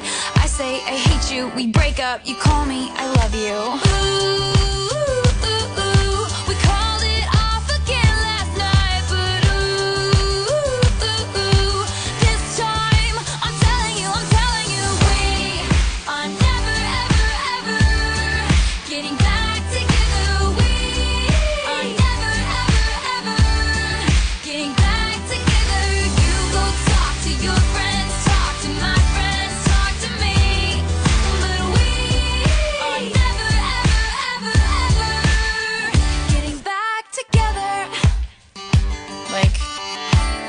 ever.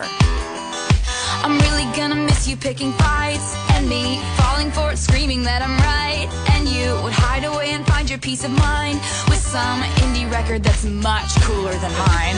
Ooh,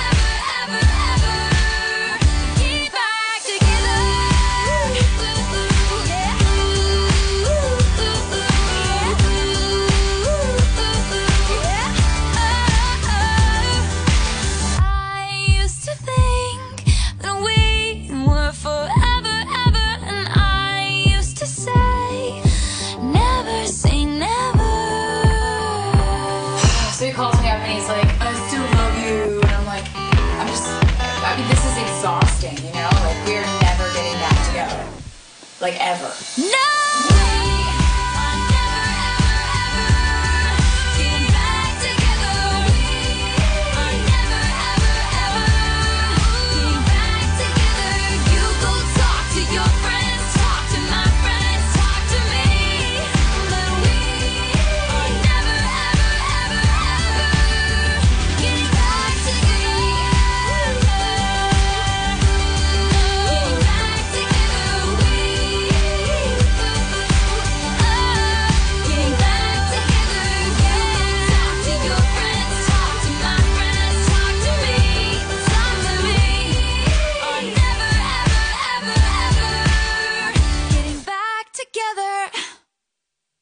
Já, þetta var Taylor Swift, okkar allra, allra besta. Og uh, já, meðan við uh, býðum eftir að ná hérna Evu sem að ætlar aðeins að já, tala við okkur um uh, nýstopnað svona félag. Samtök. samtök já, loftlagshópur um, hún er lögfræðingur og hún er talskona þessa hóps.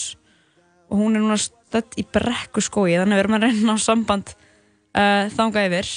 Um, og ég væri alveg til í að myndi bara aðeins ekki í þessu lagi þanga til að við náum henni á línuna. Ég held að allir sé að byggja um það sko. Er þetta ekki svolítið gott lag? þetta er geggja lag sko, þetta er John Legend. Hefur þú hort á tónlistamindbandi við þetta lag? nei, reyndar ekki. Það er brúðkaup hans og Chrissy Teigen.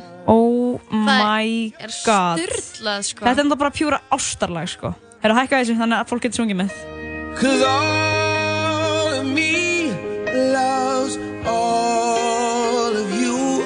Love your curves and all your edges, all your perfect imperfections. Give your all to me. I give my all to you. You're my end and my beginning. Even when I lose, I'm winning. Cause I give you all of me. And you give me all of you. Oh. How many times do I have to tell you? Even when you're crying, you're beautiful too. The world is beating you down. I'm around through every mood. My downfall. You're my muse. My worst distraction, my rhythm and blues. I can't stop singing. It's ringing in my head for you. My head's underwater, but I'm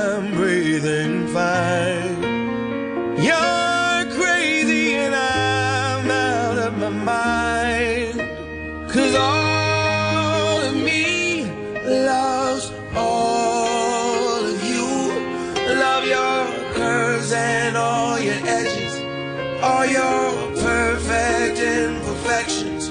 Give your all to me.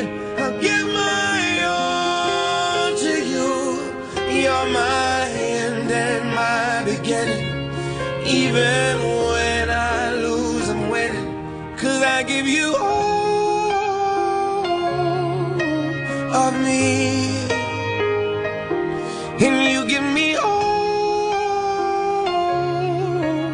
Of you. Oh, give me all of you. Cards on the table. Sæl, Eva Já, hæ. Hæ, þú ert hérna í bytni á 101 Hvað segir gott? Já, ég segi bara gott, en þið? Mjög gott Við erum bara mjög góður á því. Hvar ert þú stödd með leifi? Herru, ég er hérna í sumabústað í, í Árnesíslu að fylgjast með rigningunni. Það er svo leiðis. Hljómar Já, nokkuð já, já. já. Ertu mikið fyrir rigninguna? Það er bara rigningu? Já, þú veist, já, ég er bara, það er bara partur lífinu. Já, ok. Það er að vöku sér blóm Já, það er okkur sér blóm, sko, við spóðum svo gott viðrum í allt, allt sumar að hérna, það sögðu mér eitthvað sveitungar hérna í að það þyrfti rigningu. Ég, Já, já. Já, hún er komin. Þeir fagnar þessu örugglega mjög. Já, ég var einmitt hérst að það verið svolítið þurrkur á, á landinu Það var allavega þannig í minni sveit sko Já, En ok. eh, Ég, ég er reyndar almennt fyrir sól, sko, þannig að, hérna, já. Ég held að þú sért ekkert einn um það. En Nei. Eva, við erum nú að ringi þig, já, þar sem þú ert, já, talsmaður loftslagshóps sem er nýstofnaður. get, Já, Getur þú sagt okkur aðeins frá þessum hópi og svona hverjar fyrirætlanar eru? Já, hérna, ég er svo sem, uh, hérna, kannski ekki svona sérstökur talsmaður, uh, ég er reynda talsmaður þessu hóps, en, en hérna, ég bara, sett svona fyrirvæl að, ég er líka að tala bara, í, þú veist, þetta bara fram mín eigin skoðan en einhver leiti hérna, af því að við erum ekkert svo sem komin, komin eftir eitthvað mjög langt á stað, en hérna, vil ég heyra aðeins frá þessu, sem sagt? Já, er það. Pælingin? Mhm. Ok, þess að uh, eins og þið vitið og ég vona að flesti vita sem er að hlusta þá stöndum við frammi fyrir einhverju stærstu vá mannsins uh, við erum bara mannkinn sögunar að minnstu kosti meðan homo sapiens hefur einhvern veginn gengum þessu jörðu. Og hérna og það er alveg svona ljóst að, hérna tími til þess að, fara í róttekar aðgerðið er bara hérna, verða liðin glugginn til þess að gera eitthvað á þess að hlínun jarðar orðin sko fjóru eða fimm gráður. Hann er bara núna og hann verður kannski næstu 10-15 ár. Þannig að þú veist ábyrðin á þessu er uh, hvort sem okkur líkar betur eða verður hún liggur hjá okkur. Mhm. og hérna hún, við fengum þetta verkefni í hendunar okkar kynnslóð þannig að ég er bara búin að vera ég er svona var að menta mig í þessu sitt ári og er, ég hérna, langa svo sem sögu aðeins í pólitík og svona en ég hérna uh, og annað fólk sem var í þessum uh, Facebook-hóp sem heitir loftslags umræður Mhm. á netinu, loftslagsmál umræður og fréttir eru auðvitað búið að vera greinilega að hafa miklar ágjur að þessu þannig að við ákveðum bara að hittast Já. okkur sem erum náttúrulega búin að vera að krunga okkur saman eitthvað í gegnum interneti í gegnum, og við ákveðum bara að hittast og, og hérna við vitum, þú veist, vísindin eru ljós og það er klárt hvað uh, hvað hérna hvað þarf að gera að einhverju leiti, einhverju aðgerður klárar og nú er það bara okkar verkefni að reyna að vera hreyfjafl saman til þess að íta þessum breytingum áfram. Nákvæmlega, og þetta er heljarinnar verkefni og þetta er alltaf mikið sem að hægt er að, eða margt sem hægt er að gera og það er náttúrulega stort hugtak, eða þú veist, já, bara stort verkefni. Hvað er það fyrsta sem að svona ykkur finnst vera já, mikilvægt að gera? Já, sko, ég er svona, kannski, ef ég bara svona tala svona persónulega, að, að það finnst mér eins og hér á Íslandi, þú veist, það er alltaf mismunandi uh, hérna, lustnir kannski fyrir hvert land í heiminum. Já. Og hérna, af því að lofslagsbreytingar eru svona global vandi, alheimsvandi, en lustnir eru mjög lokal, það er að segja svona í nálæðir på samfélaginu. Einmitt. Og fyrir mig er það náttúrulega liggur að beinast við að Ísland fara að hraði orkuskiptum í samgöngum mjög hratt. Og það, það leiðir það því að við myndum að segja, herru, eftir hérna 2030, jafnvel fyrr, þá bara er ekkert kyrt hér um okkur um elsneiðisbílum. Nei. Og við reynum að fara út í það að losa okkur við það eins mikið við getum í öllum. Gæðveikt. Og þetta er, þú veist, þetta er ekkert hérna sásökulegs aðgerir. Það er að segja, veist, þetta leiðir alveg til þess að fólk þarf að breyta eitthvað hvernig það liðir, skilju. Já. Og, og það er auðvitað stærsta verkefni, það er að kannski, að þetta er ekkert án vakstaverkja. Já, og, erum- og líka Já. eitthvað svona að fólk uh, kannski bara taki það eða þú veist, viti það og taki það í sátt að þú veist, það er að fara að koma ykkur breytingar og það er var, það, það, breytingar þýðir með það, bara breytingar. Hlutin er að fara að vera öðruvísi og það verður skrítið að vennast þeim.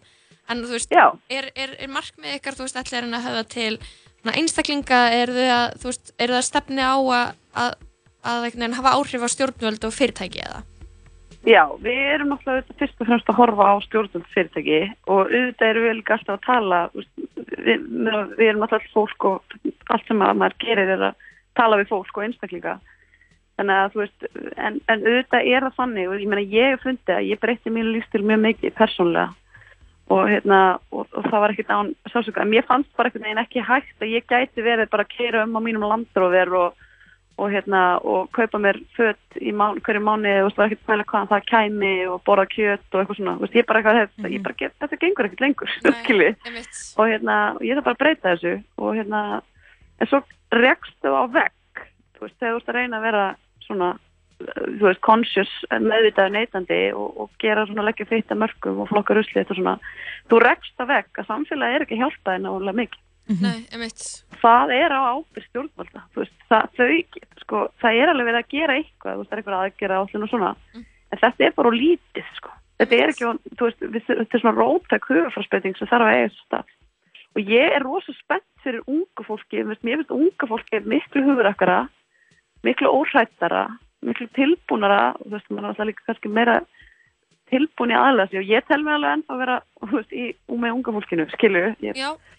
Mér sé ekki orðin og ég þú veist að það sé líka bara eitthvað skilgarnæðatri sem fólk eru að ákveða hvort það sé undi anda eða ekki, skilu en hérna, en þú veist hérna, við, þetta er bara eitthvað svona sem að við þurfum einhvern veginn að gera saman. Og málið er, ég finna mjög stert og fólk er svona hvert í svona hotni rosa mikið að pæla eitthvað í þessu, skilu Já, rosa mikið, sko. Mhm. en, við þurfum að skipa líka okkur þú veist, og hérna og, og, og, og þú veist gera það þú veist, þá þurfum við einhvers þegar að einhvers snertiflöt hittast, ræða hvað ætlum að gera ákveða hvað ætlum að gera og svo bara gera það sko þetta er ekkert hérna, þetta er ekkert flóknara og, og ef við sköpum nægilega mikið þrýsting og það er þetta, sko, breytingar er ekkert leiðilegar og svona aktivismi er ekkert leiðilegur hann er bara mjög skemmtilegur Nákvæmlega. Ertu, Ha. ertu vongóð að þetta að, að við einhvern veginn náum að redda þessu? Já, það mennur það að við rettum bara hérna, það hlýðin ég að það fara ekki fram með tæknaður já.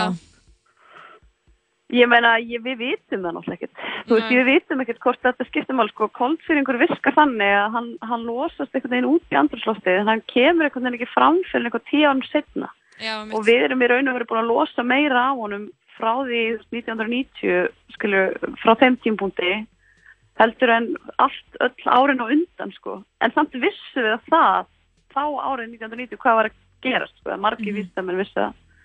Já. Það er bara hlusta enginn, skilju, og hérna, En fólk er farið að hlusta núna, það er klálega einhverja breytingar framöndan sko. Já, og ég meina ég verð að trúa því, ég meina trúi þið því ekki, ég meina trúi Jú. því, því ekki að saman getum við, þú veist, ef við bara ákveðum maðurinn og, og svona, þú veist, einhverju vel að bara leiða þá breytingu, skilur að við ákveðum að snúa um af kúrs, þá getum við breytt þessu. Jú, ef, ef, ef allir veginn taka höndum saman þá klálega. Uh, Og það- Já, sorry, hvað ætlar að segja? Já, nei, segðu segðu bara svo, já, svo, Ég, ég ætla bara að segja þakka þér fyrir spjallið og bara óska ykkur góð skengis Já, ég vil, ég vil endilega hvetja ykkur líka og alla sem eru hlusta Mhm. til þess að hérna, skoða bara hvað þeir geta gert persónulega í sínu eigin lífi og hvernig orka þeirra nýtist best sem eru góðir í skipulegja, aðrir eru bara góðir í að vera geðvikla góðir að flokka eða, eða nota strætó eða eitthvað skilju, það er bara svo mismyndi hvernig orkan okkar nýtist. En það er ósvæmlega mikilvægt að, að ef þetta brennur hjá ykkur eða hjá þeim sem er að hlusta að hérna veist, að taka þátt og, og koma Já. og, og það er held líka bara eitthvað sem er hægt að gera Það Þannig að er held ég rétt hjá þriðjudaginn þér að- klukkan átta Það er allir svolítið svona í sínu hotni og ef við myndum einhvern veginn frekar finna, fara að finna hvort annað og gera þetta saman þá, þá tekst þetta. Og segir þetta sé á þriðutaskvöldum kl. 8 Hvar er þessi fundur? Hann, þetta er í Guðrún og Túni, með minnir sé nummer 6 eða 8, það er í húsnæði landvendar. Ok. Og við erum bara, bara það verður bara vinnuhópur næsta þriði dag og við ætlum að bara hérna, taka saman það sem við getum gert. Þú veist, það er ímyndilegt sem stjórn geta gert akkurat núna sem þið eru ekki að gera. Veist, það eru græn fjárlög, það, það er til dæmis ekki, það er ekki verið að horfa á heildamyndina og búa til svona grænt hagkerfi eða framtíða sím sjálfbært samfélag. Þannig að Ísland hefur sko mjög mikil tækifæri til þess að græn, grænasta land í heimi Mhm. það er bara frekar auðvelt fyrir okkur af því við eigum svo mikið að- að jarðvarma og, og orku, grænna orku Klálega þannig að þú veist, að bara líka sjá þetta sem sín, þú veist, bara ákvæða gett flott ef við búum til framtíða sínum og þetta er samfélag sem við viljum búa í það sé ekki endilega negatíft að breyta þessu, skilju. Nákvæmlega.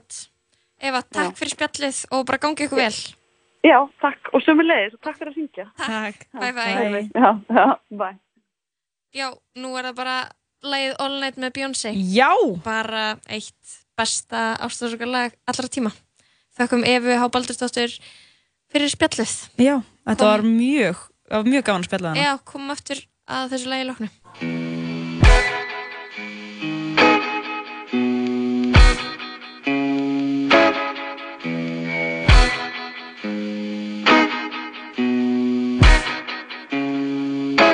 We found the truth beneath your lies.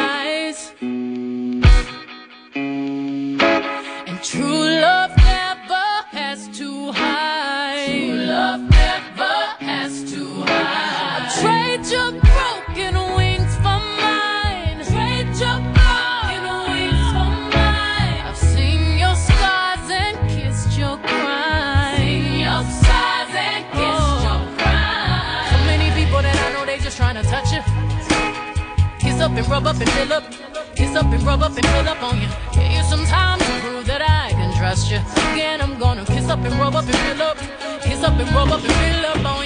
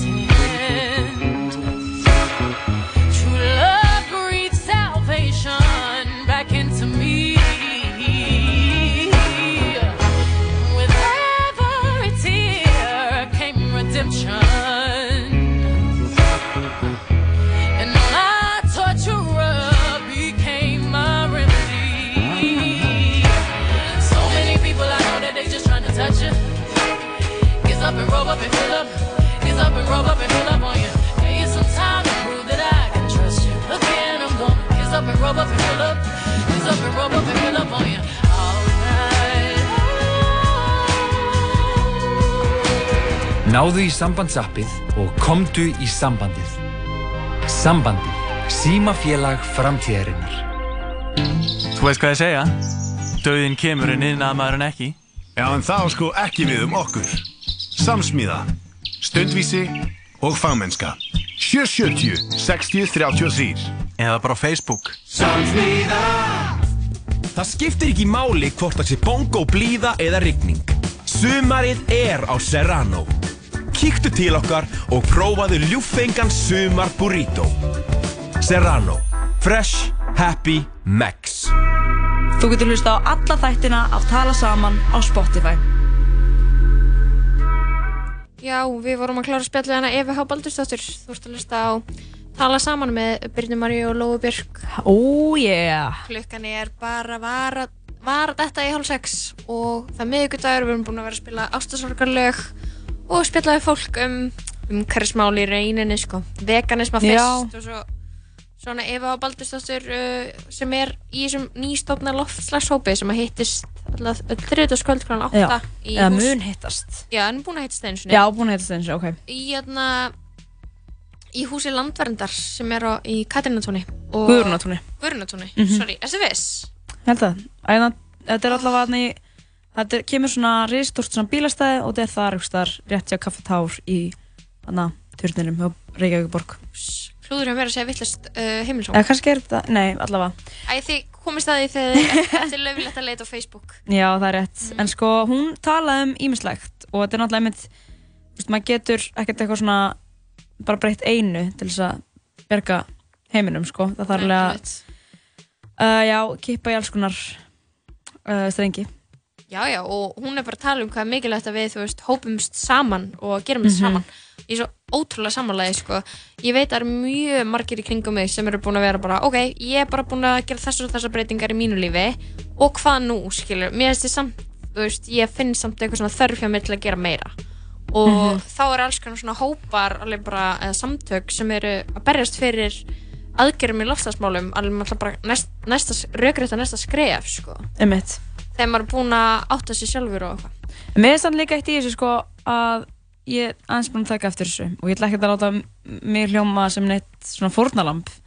En ok, ég er búin að vera í þrjá dag í skólanum og ég tek núna strætó alltaf í skólan það er ógæslega létt fyrir mig að taka strætó.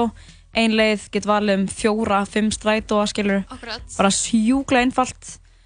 Um, og ég er ógæslega fljót ég er fljótari það er ekki að finna stæði það er ekki að fara aftur yfir allt planið að sækja bílinn Getur og svona, chillað á leiðinni. get verið í símanum á meðan Já. og ekki verið að reyna að keira líka, einmitt. eins og allir gera Það er alltaf í símanum að kera uh, en svo er ég eitthvað svona að fara heim og það er einhver með mér kannski sem er bara eitthvað svona æ, ert það strætó? Nei, ég læti ekki taka strætó þangað skilur, kemur smá svona shame, ekki beint shame en smá svona Fólk er uss, nei, nei, nei, Fólk skilur mætir alltaf eins og maður sé ekki að mikið greið maður er í strætó. Ég er búin að vera í strætó bara Ég hef ekki átt bíl bara Ég veit ekki, ég hef aldrei átt bíl. Þannig ég hef alltaf aðalega verið í strætó eða lappandi. Líka bara, maður er alveg að borga fyrir þetta far sko. maður er alveg, þú veist, þetta er ekkert eins og að sé eitthvað svona þú ert ekkert að eitthvað þetta er ekkert suppulegt sko. Þetta er bara ógeðslega þægilegt og ógeðslega basic og líka ofta setur maður bara alveg einn þannig að Íslandingar eru svo treyir og þú aldrei segja það slið við lið Mm. nema að sé alveg tróðið þannig að maður er bara einn með tvö sæti í símanum að horfa okkar fyndið eða hlusta okkar skemmtilegt eða lesa eitthvað skemmtilegt eða horfa út um gluggan Já, ég hef hort á Good Girls á leiðin í vinnuna. Já. Bara þú veist, bomba því maður getur unnið aðeins að gera þetta er sjúkla næs. Og, en þetta er ekki eitthvað svona að fólk, þú veist ég myndi örugglega líka alveg gera þetta skilur vera eitthvað svona, nei, að ég skuttla bara þú, þú þarf ekki að taka strætó. Þú veist, eitthvað svona og en bara- já, en bara nei, í rauninni ekki, þetta er fimm minúna lapp til og frá stöðinni nei, hann að skilinu, en bara svona fattar þú hvað er að tala um, þú veist, þetta er svona ekki meint shame, en svona eins og maður eigi eitthvað erfiðara já, þú veist, já, það er vorkun En varst ekki, varst ekki líka að tala um einhverja frétt þar sem að eru f- miklu meira aukning á notkun strætó heldur betur. Og ég hef alveg tekið eftir þessu Ég til dæmis bjó, núna, ég var að flytja í miðbæ uh, Ég bjó mjög lengi í Grafarholti eða Úlfarsárdal sem er svona nokkurn veginn eins langt í burtu og kemst frá miðbænum en samt verið í Reykjavík, skilur Mhm. Þetta er ekki Mosó, þetta er bara, þú veist, næsta stopp á leiðin í Mosó og uh, já, og ég var að taka strætó yfir og þá tók eitthvað 35 minútur samt bara strætóstoppstöð fyrir utan húsið mitt og strætóstoppstöð við á vinnunum minni. Og ég bara þessar 40 mínútur voru bara geggja næs. Mhm. það er bara pirrandi ef þú ætlar að gera þú veist sjö hluti á einum degi. En þá líka pirrandi að vera bíl. Já. það er bara alltaf erfitt að gera þú veist endalasta hlutum á einum degi skilur og ég fann að það var fólk alveg eitthvað svona æ já er að taka vinnuna? Og ég er eitthvað já það er gett fínt. Það er stemning og það er umhverfisætna baby. En sko, hérna, líka eitt af því að ég mann þegar ég hérna, fekk Gíslamartin til minn í getinn að þá æ- ætluðum við með þetta ekki gera grínanum, en við ætluðum eitthvað svona að taka hann upp þegar hann var að púla upp í varklass á hjóli. Ég bara, hann er bátið á hjóli. Eitthvað svona, svo kemur hann á leigubíl. Og ég bara, lol, hann er á leigubíl.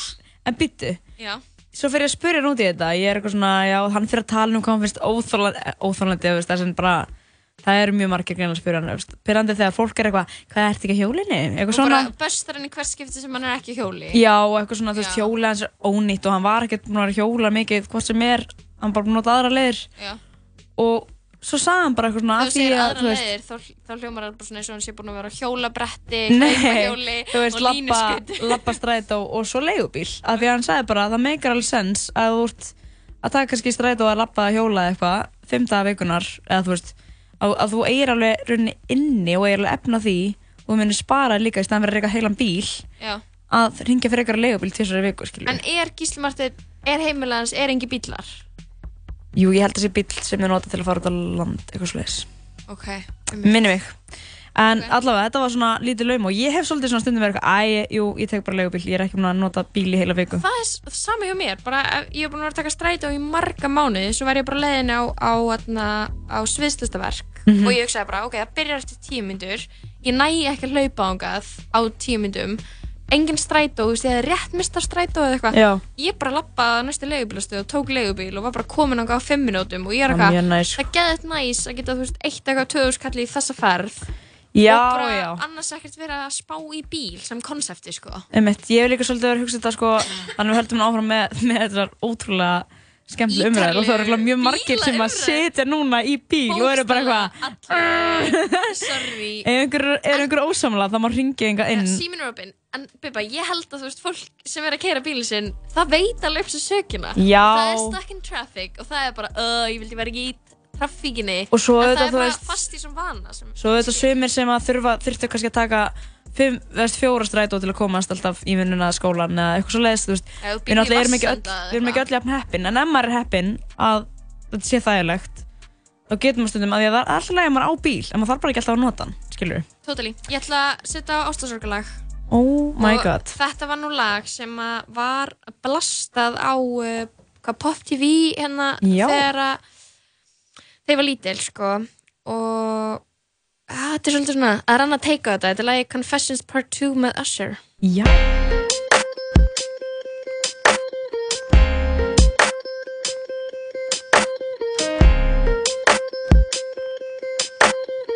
Watch this. These are my confessions. Just when I thought I said all I can say, my chick on the side says she got one on the way. These are my confessions. Man, I guess I gotta keep part two of my confession. If I'm gonna tell it, then I gotta tell it all. Damn near cried when I got that phone call. I'm so lost, I don't know what to do but to keep part two of my confession. Now this gonna be I think I ever had to do. Got me talking to myself, asking how I'm gonna tell you. About that chick on part one, I told y'all I was creeping with, creeping with. Say she's three months pregnant and she's keeping it. The first thing that came to mind was you. Second thing was how do I know if it's fine and is it true? Third thing was me wishing that I never did what I did. How I ain't ready for no kid and bye bye to a relationship. Just when I thought I said all I could say, my shit on the side said she got one. These are my confessions. And I'm thrown and I don't know what to do now. I guess I gotta keep part two of my confession. If I'm gonna tell it, then I gotta tell, it all. Damn, they cried when I got that phone call. I'm so I don't know, I don't know, what to do, but to keep part two of my confession. Stuck on stupid trying to figure out when, what, let this come out of my mouth. Said it ain't gonna be easy. But I need to stop thinking, contemplating, be a man and get it over with, over with. I'm riding in my whip, racing to her place, talking to myself, preparing to tell her to her face. She opened up the door and didn't wanna come near me. I said, one second, baby, please hear me. my confession, just when I uh-huh. thought I said all I can say, my shit on the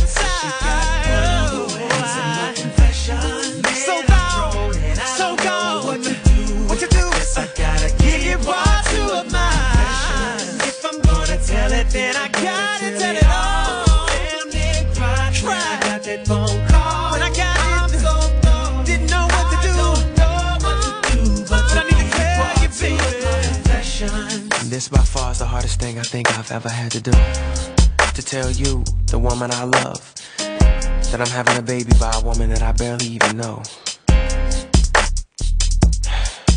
I hope you can accept the fact that I'm man enough to tell you this. Jöp, jöp, jöp, jöp, jöp, jöp, Lóa Björk. Við erum komin aftur. Já, Lóa Bibba.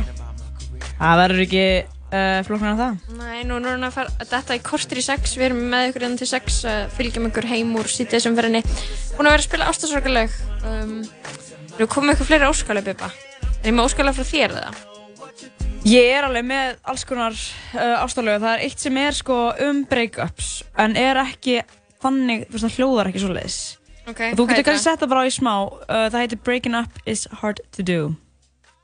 Og þetta er, svona- þetta er gamalt og gott lag. Maður heyrir alveg á, á hérna, já, þú hækka bara eins í þessu og ég get talað eins yfir það.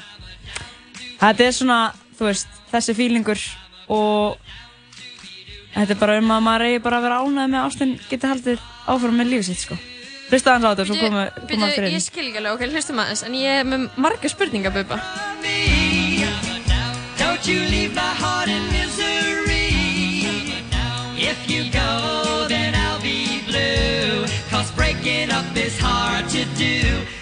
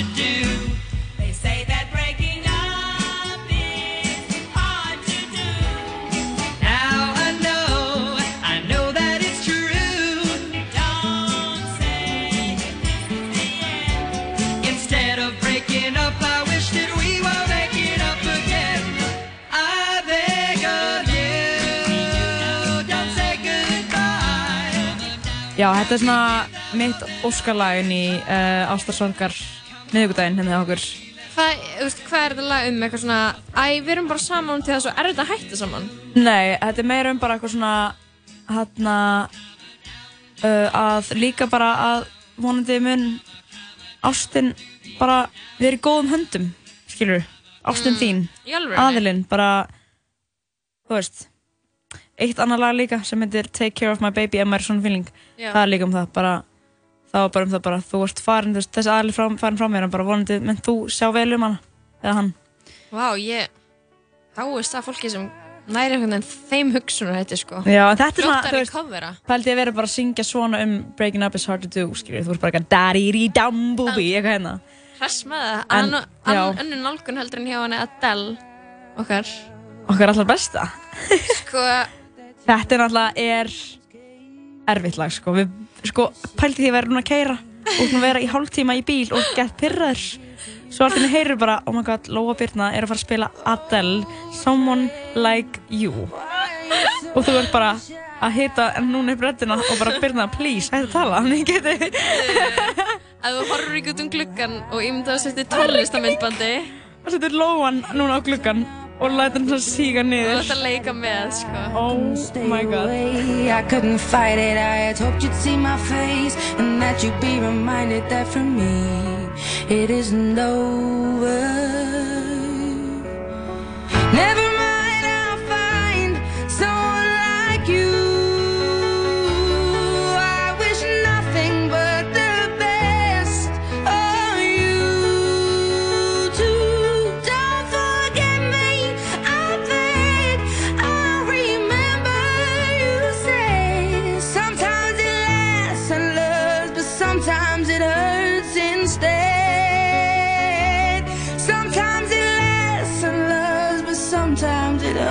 Hurts instead. You know how the time flies only. Yesterday was the time of our lives. We were born and raised in a summer haze bound by the surprise of our glory days. I hate to turn up out of the blue uninvited but I couldn't stay away. I couldn't fight it. I had hoped you'd see my face and that you'd be reminded that for me it isn't over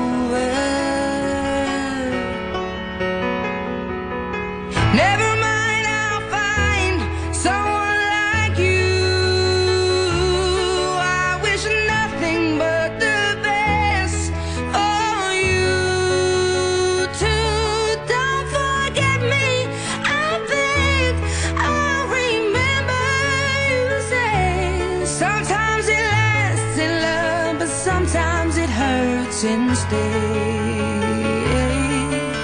Nothing compares, no worries or cares, regrets and mistakes, their memories made. Who would have known how bittersweet this would taste? Never mind, I'll find someone like you. Allir með. I best. Jæja, Lóa. Þetta er búið að vera magnað, sko, að spila þessi ástarsorgarlög. Þau eru líka öll svo falleg og góð. Bara í falsetuna. Þetta er, uppáhalds svona tónlista sjónrað mitt, sko. Já. Í rauninni, sko. Ég, ég er svona, ég er svona dramadrottning, sko. Ég fór í leikhú, ég mentaði mig í leikhúsi. Það er nefnilega svolítið sko. Þú veist, og Tókstu þau bara alla leið? Já, veist, ég, ég bara allt sem hefur að gera með tilfinningar, bara svona mannlega tilfinningar og sérstaklega tilfinningar sem tyggast ástinni, það er bara uppáhaldið mitt, sko. Og romcoms, ástasorgarlög, uh, bækur sem tengjast einhver svona ástasögum, Mhm. geðveik bók sem ég mæli með sem ég var að lesa sem heitir Normal People eftir Sally Rooney, hún er ískur rithöfundur, hún er bara Ok. eitthvað örfáum árum eldri en ég, kannski bara einu ára eldri en ég. Hún er að skrifa um uh, tvær mannskjör sem einhvern veginn reyna að halda sér fjari hvort öðru en geta það ekki enda einhvern veginn alltaf í sam, sama herbyggi Það er erfitt. og uh, ég mæli með þeirri bók fyrir alla sem eru úti og að núti og hugsa mikið um ástina Mhm. það er náttúrulega, æ sorry þetta er sko umhverfismál, loftsasmál Og ástarmál. e- þetta er, er stór topic en samt svona Ah. það stærsta í lífun okkar er náttúrulega ástbuba Það er hárétt og sko ég er komin með lokalag sem við, Er það, þú komið lokalega sko, það, það verður að vera að spila og ég held að þú verður alls saman með mér en okay. við viljum ekki að vinda okkur alls strax í það því að Ok, við viljum ok, aðeins að fara yfir það sem við erum búin að gera í dag Já. sko við byrjum á að fá hann Guðmund Arnar hingað inn Já, Guðmundur Arnar Guðmundsson, uh, leikstjóri, framleiðandi, hann er með framleiðslu fyrirtæki. Hann leikstjóri í Hjartasteini sem er svona Mhm. coming of age mynd um uh, Coming of Age þá svona krakkar þroskasaga, Þroska- já, já, þroskasaga eitthvað svona. Þeir eru í sveitinni og eða ykkur sumri saman í sveit, Mhm. þeir strákar og einn verður skutin í stelpu og hinn verður skutin í hinum og, og bara eitthvað stór og flókin mál þegar maður er svona Já, ungur. og þessi mynd er mjög falleg og mjög velgerð og vönduð og hún er bara mjög eftirminnileg Jú, mæli með. Ég mæli 100% með. Um, frábæri leikara líka í þessari mynd. Blær Hinriks. en Blær Hinriks uh, Guðmundur Arnar sagði okkur hans frá svona sinni uppáhaldskveikmynd sem að ymmit svona gaf hann smá innblástur fyrir hjartastein. Og svo mynd heitir Stand By Me uh, eins og lagið sem fjallar um svona fjóra unga stráka. Og hún er frá hvað 1990 eða eitthvað slags 89 eða eitthvað, ég googlaði að hann en þannig að það var svona að sagði okkur hann frá því og svo fórum við líka aðeins yfir hvað framöndan hjá honum og, og í næstu viku eða það næstu viku þá verður já, næsta verkefni sem hann kemur að hvítu hvítu dagur hún verður frumsýnd og við býðum spennt eftir henni hérna á stöðinni. En svo fengum við til okkar tvær já, góðinkonar stöðarinnar Eittis Blöndal, uh, hún er búin að vegan í eitt ár, eitt mánuð og uh, hefur lært ímislegt á því ári á þessum Já. 13 mánuðum og var svona aðeins eitthvað svona að segja okkur hvað hún hefði lært og Karó líka með eitthvað pælingar, þú veist svona hvað hún getur gert til þess að vera meira vegan, skilur við? Já, við vorum alltaf svolítið svona bara kasta boltan á milli og kannski föttum líka að þetta er það er margt sem hægt að ræða þarna í vegan vinklar, 101 tímanum sem við vorum með vinklar á þessu en sko það var mjög gaman, við fórum aðeins yfir bara eitt í sagur frá því hvernig já svona hún svolítið svona hug, hugafarnu sínum af, Mhm. já, hvað sem er, á bara máltíðum bara í staðan fyrir að þetta væri alltaf eitthvað svona Já. hérna er meðlæti og hérna er bringan eða þú veist lundin eða eitthvað Já, já, já. að Það var- ertu bara með bara, hugsa um eitthvað, hugsa þetta öðru heldur en eitthvað kjúklingabringa með salati og kartöflu já þú sett frekar bara að mixa þetta saman í eitthvað næs Já, ég hugsa alltaf bara, að já, græmits lasagna alla daga er það það sem hún myndi þetta í? já, nema alltaf pasta er ekki vegan og ostur er ekki vegan Nei. en græmits, þú veist, ég er að hugsa þannig máltíð Mm. alltaf eitthvað svona juicy þar sem allt sem er í á, þú veist, disknum er bara að blanda saman og það er svo geð gott, þessu blokkfisku bara En veistu hvað er að besta sem hefur komið fyrir mig í eitthvað svona vegan dæmi? Hvað? Ég er bara að kynast aðeins asískri matagerð. það er enda fakt Í alvörunni, bara evrósk matagerð, hún er geggjuð. Það er að fara geðveikt góðan mat í Evrópu. Og þú veist, það er fara körst mat í bandaríkjunum, í rauninni. Mhm. En þú veist, Mexiko, geð geð ykkur matur sem kemur frá Mexiko, taco Mhm. og corn on the cob og Mhm. öll þessi góðu krydd en asísk matagerð bara fyndu eins marga rétti og bara þú veist í alvegni valmöðuleikarnir eru endalausir bara, Einmitt. og þú, þú veist, þú substitútar það, það sem þú þarfst að gera er að það, notum, það eru svona mikið nota fiskisóð skipta það út fyrir þarasóð það er að fá vegan fiskisós í öllum asísku búðunum minna á Íslandi. Og bara nota það og þú ert bara að koma með þetta góða Já. uh, í, í japansk sem þarf oft í japanska matagerð eða í einhverja tælinska rétti bara fara heim til sín og endurgera allt sem maður er búin að fá á bandhæ og bara kaupa sér nóga tofu já, og ok. bara kaupa sér hrísgrunanúðlur kaupa sér hrísgrun og tofu og svo bara grammeti og svo bara mixa eitthvað gott stöf heima á sér. Þú ákvæmst bara svona spara þetta trikkirna fyrir svona Oh þig eina til að segja að Æ. Eidís myndi ekki koma að toppa á meðan þú varst Já, með henni hérna. ég var reyna ekkert að hugsa út í þetta fyrir núna þegar þú varst að segja að þú myndir alltaf bara að fá lasagna þá Já, fatta ég, ég borða ógslag mikið af eitthvað svona ég borða mjög mikið af gyoza Mhm. sem er svona spari matur minn en það eru svona dumplings, japanski dumplings Ó, sem að steikir og gufi síður og með eitthvað fyllingu. Það er svo gott, er mjög gott. Ég er að fara að bjóða þér í gyoza í þessum september. Já, við tökum kannski þáttinn upp á meðan við borðum hann. Á, á meðan við borðum þetta heima á þér. Uh, Við tökum öllum hugmyndum uh, Já, við erum sem sagt opnað fyrir öllum hugmyndum hvað var staðsendingu fyrir ef við viljum taka þátt út, úr húsi, Já, já. Þannig ef að þú, kæri hlustandi, ert með hugmynd að skemmtilegri staðsendingu þá er þetta á samband við okkur á uh, já, lóa at 101.life Hvað með bara kaffi flóru? Já, það er pæling sko. Eða kaffi vest Þetta var bara bara fyrsta sem kom heima í Gíslamartinni Heima í Gíslamartinni En svo ringdu við í Efu H. Baldursdóttur sem að, já hún var stödd að er stödd í brekkuskói Já, Lóa Sorry, þetta átti ekki að gera. Þannig að hún er talsmaður nýstofnas hóps að loftslagshóps sem að hittist núna vikulega á þriðutum þetta er svona eitthvað stingar en svo vorum við að spila ástarsorgarlaug sem er búið að ganga vonum framarinn hjá okkur og svo við erum hérna alltaf við erum tvær Já. þá var, spilum við bara ástarsorgarlaug Getur það verið okkar þeng? það er svona okkar þing Við erum bara tvær stelpur, tvær, tvær drama queens En- Ert þú jafn mikið drama queen og ég? Elskar þú romcoms líka? Ég elska romcom sko Nei sko ég elska, ég get hort á hvaða romcom sem er. Love it. Eða sérstaklega svona sem eru gerðar svona 2000 og svona 8, 9, 10, 11, 12 Svo gott ár. En hlutir sem eru gerðir svona núna á Netflix og eru, þú veist svona nýjar Netflix, í bóði Netflix myndir. Já, nei, byrju, það er ein Þær eru ekki og það er Seth Rogen myndin. Hún er gott romcom. Seth Rogen, Nýja Seth Rogen myndin Hún er rauglegt að horfa hana á Netflix. Ég mæla með henni. Hún er actually góð ný romcom. Já Ok. Viltu heyra loka lagið? Ég er bara, ég er svo spennt að heyra. Ég Hvað er tjekk fyrst skipti sem þetta lag er notað sem lokalag þáttarins en þetta er lagið Since You've Been Gone. Mm.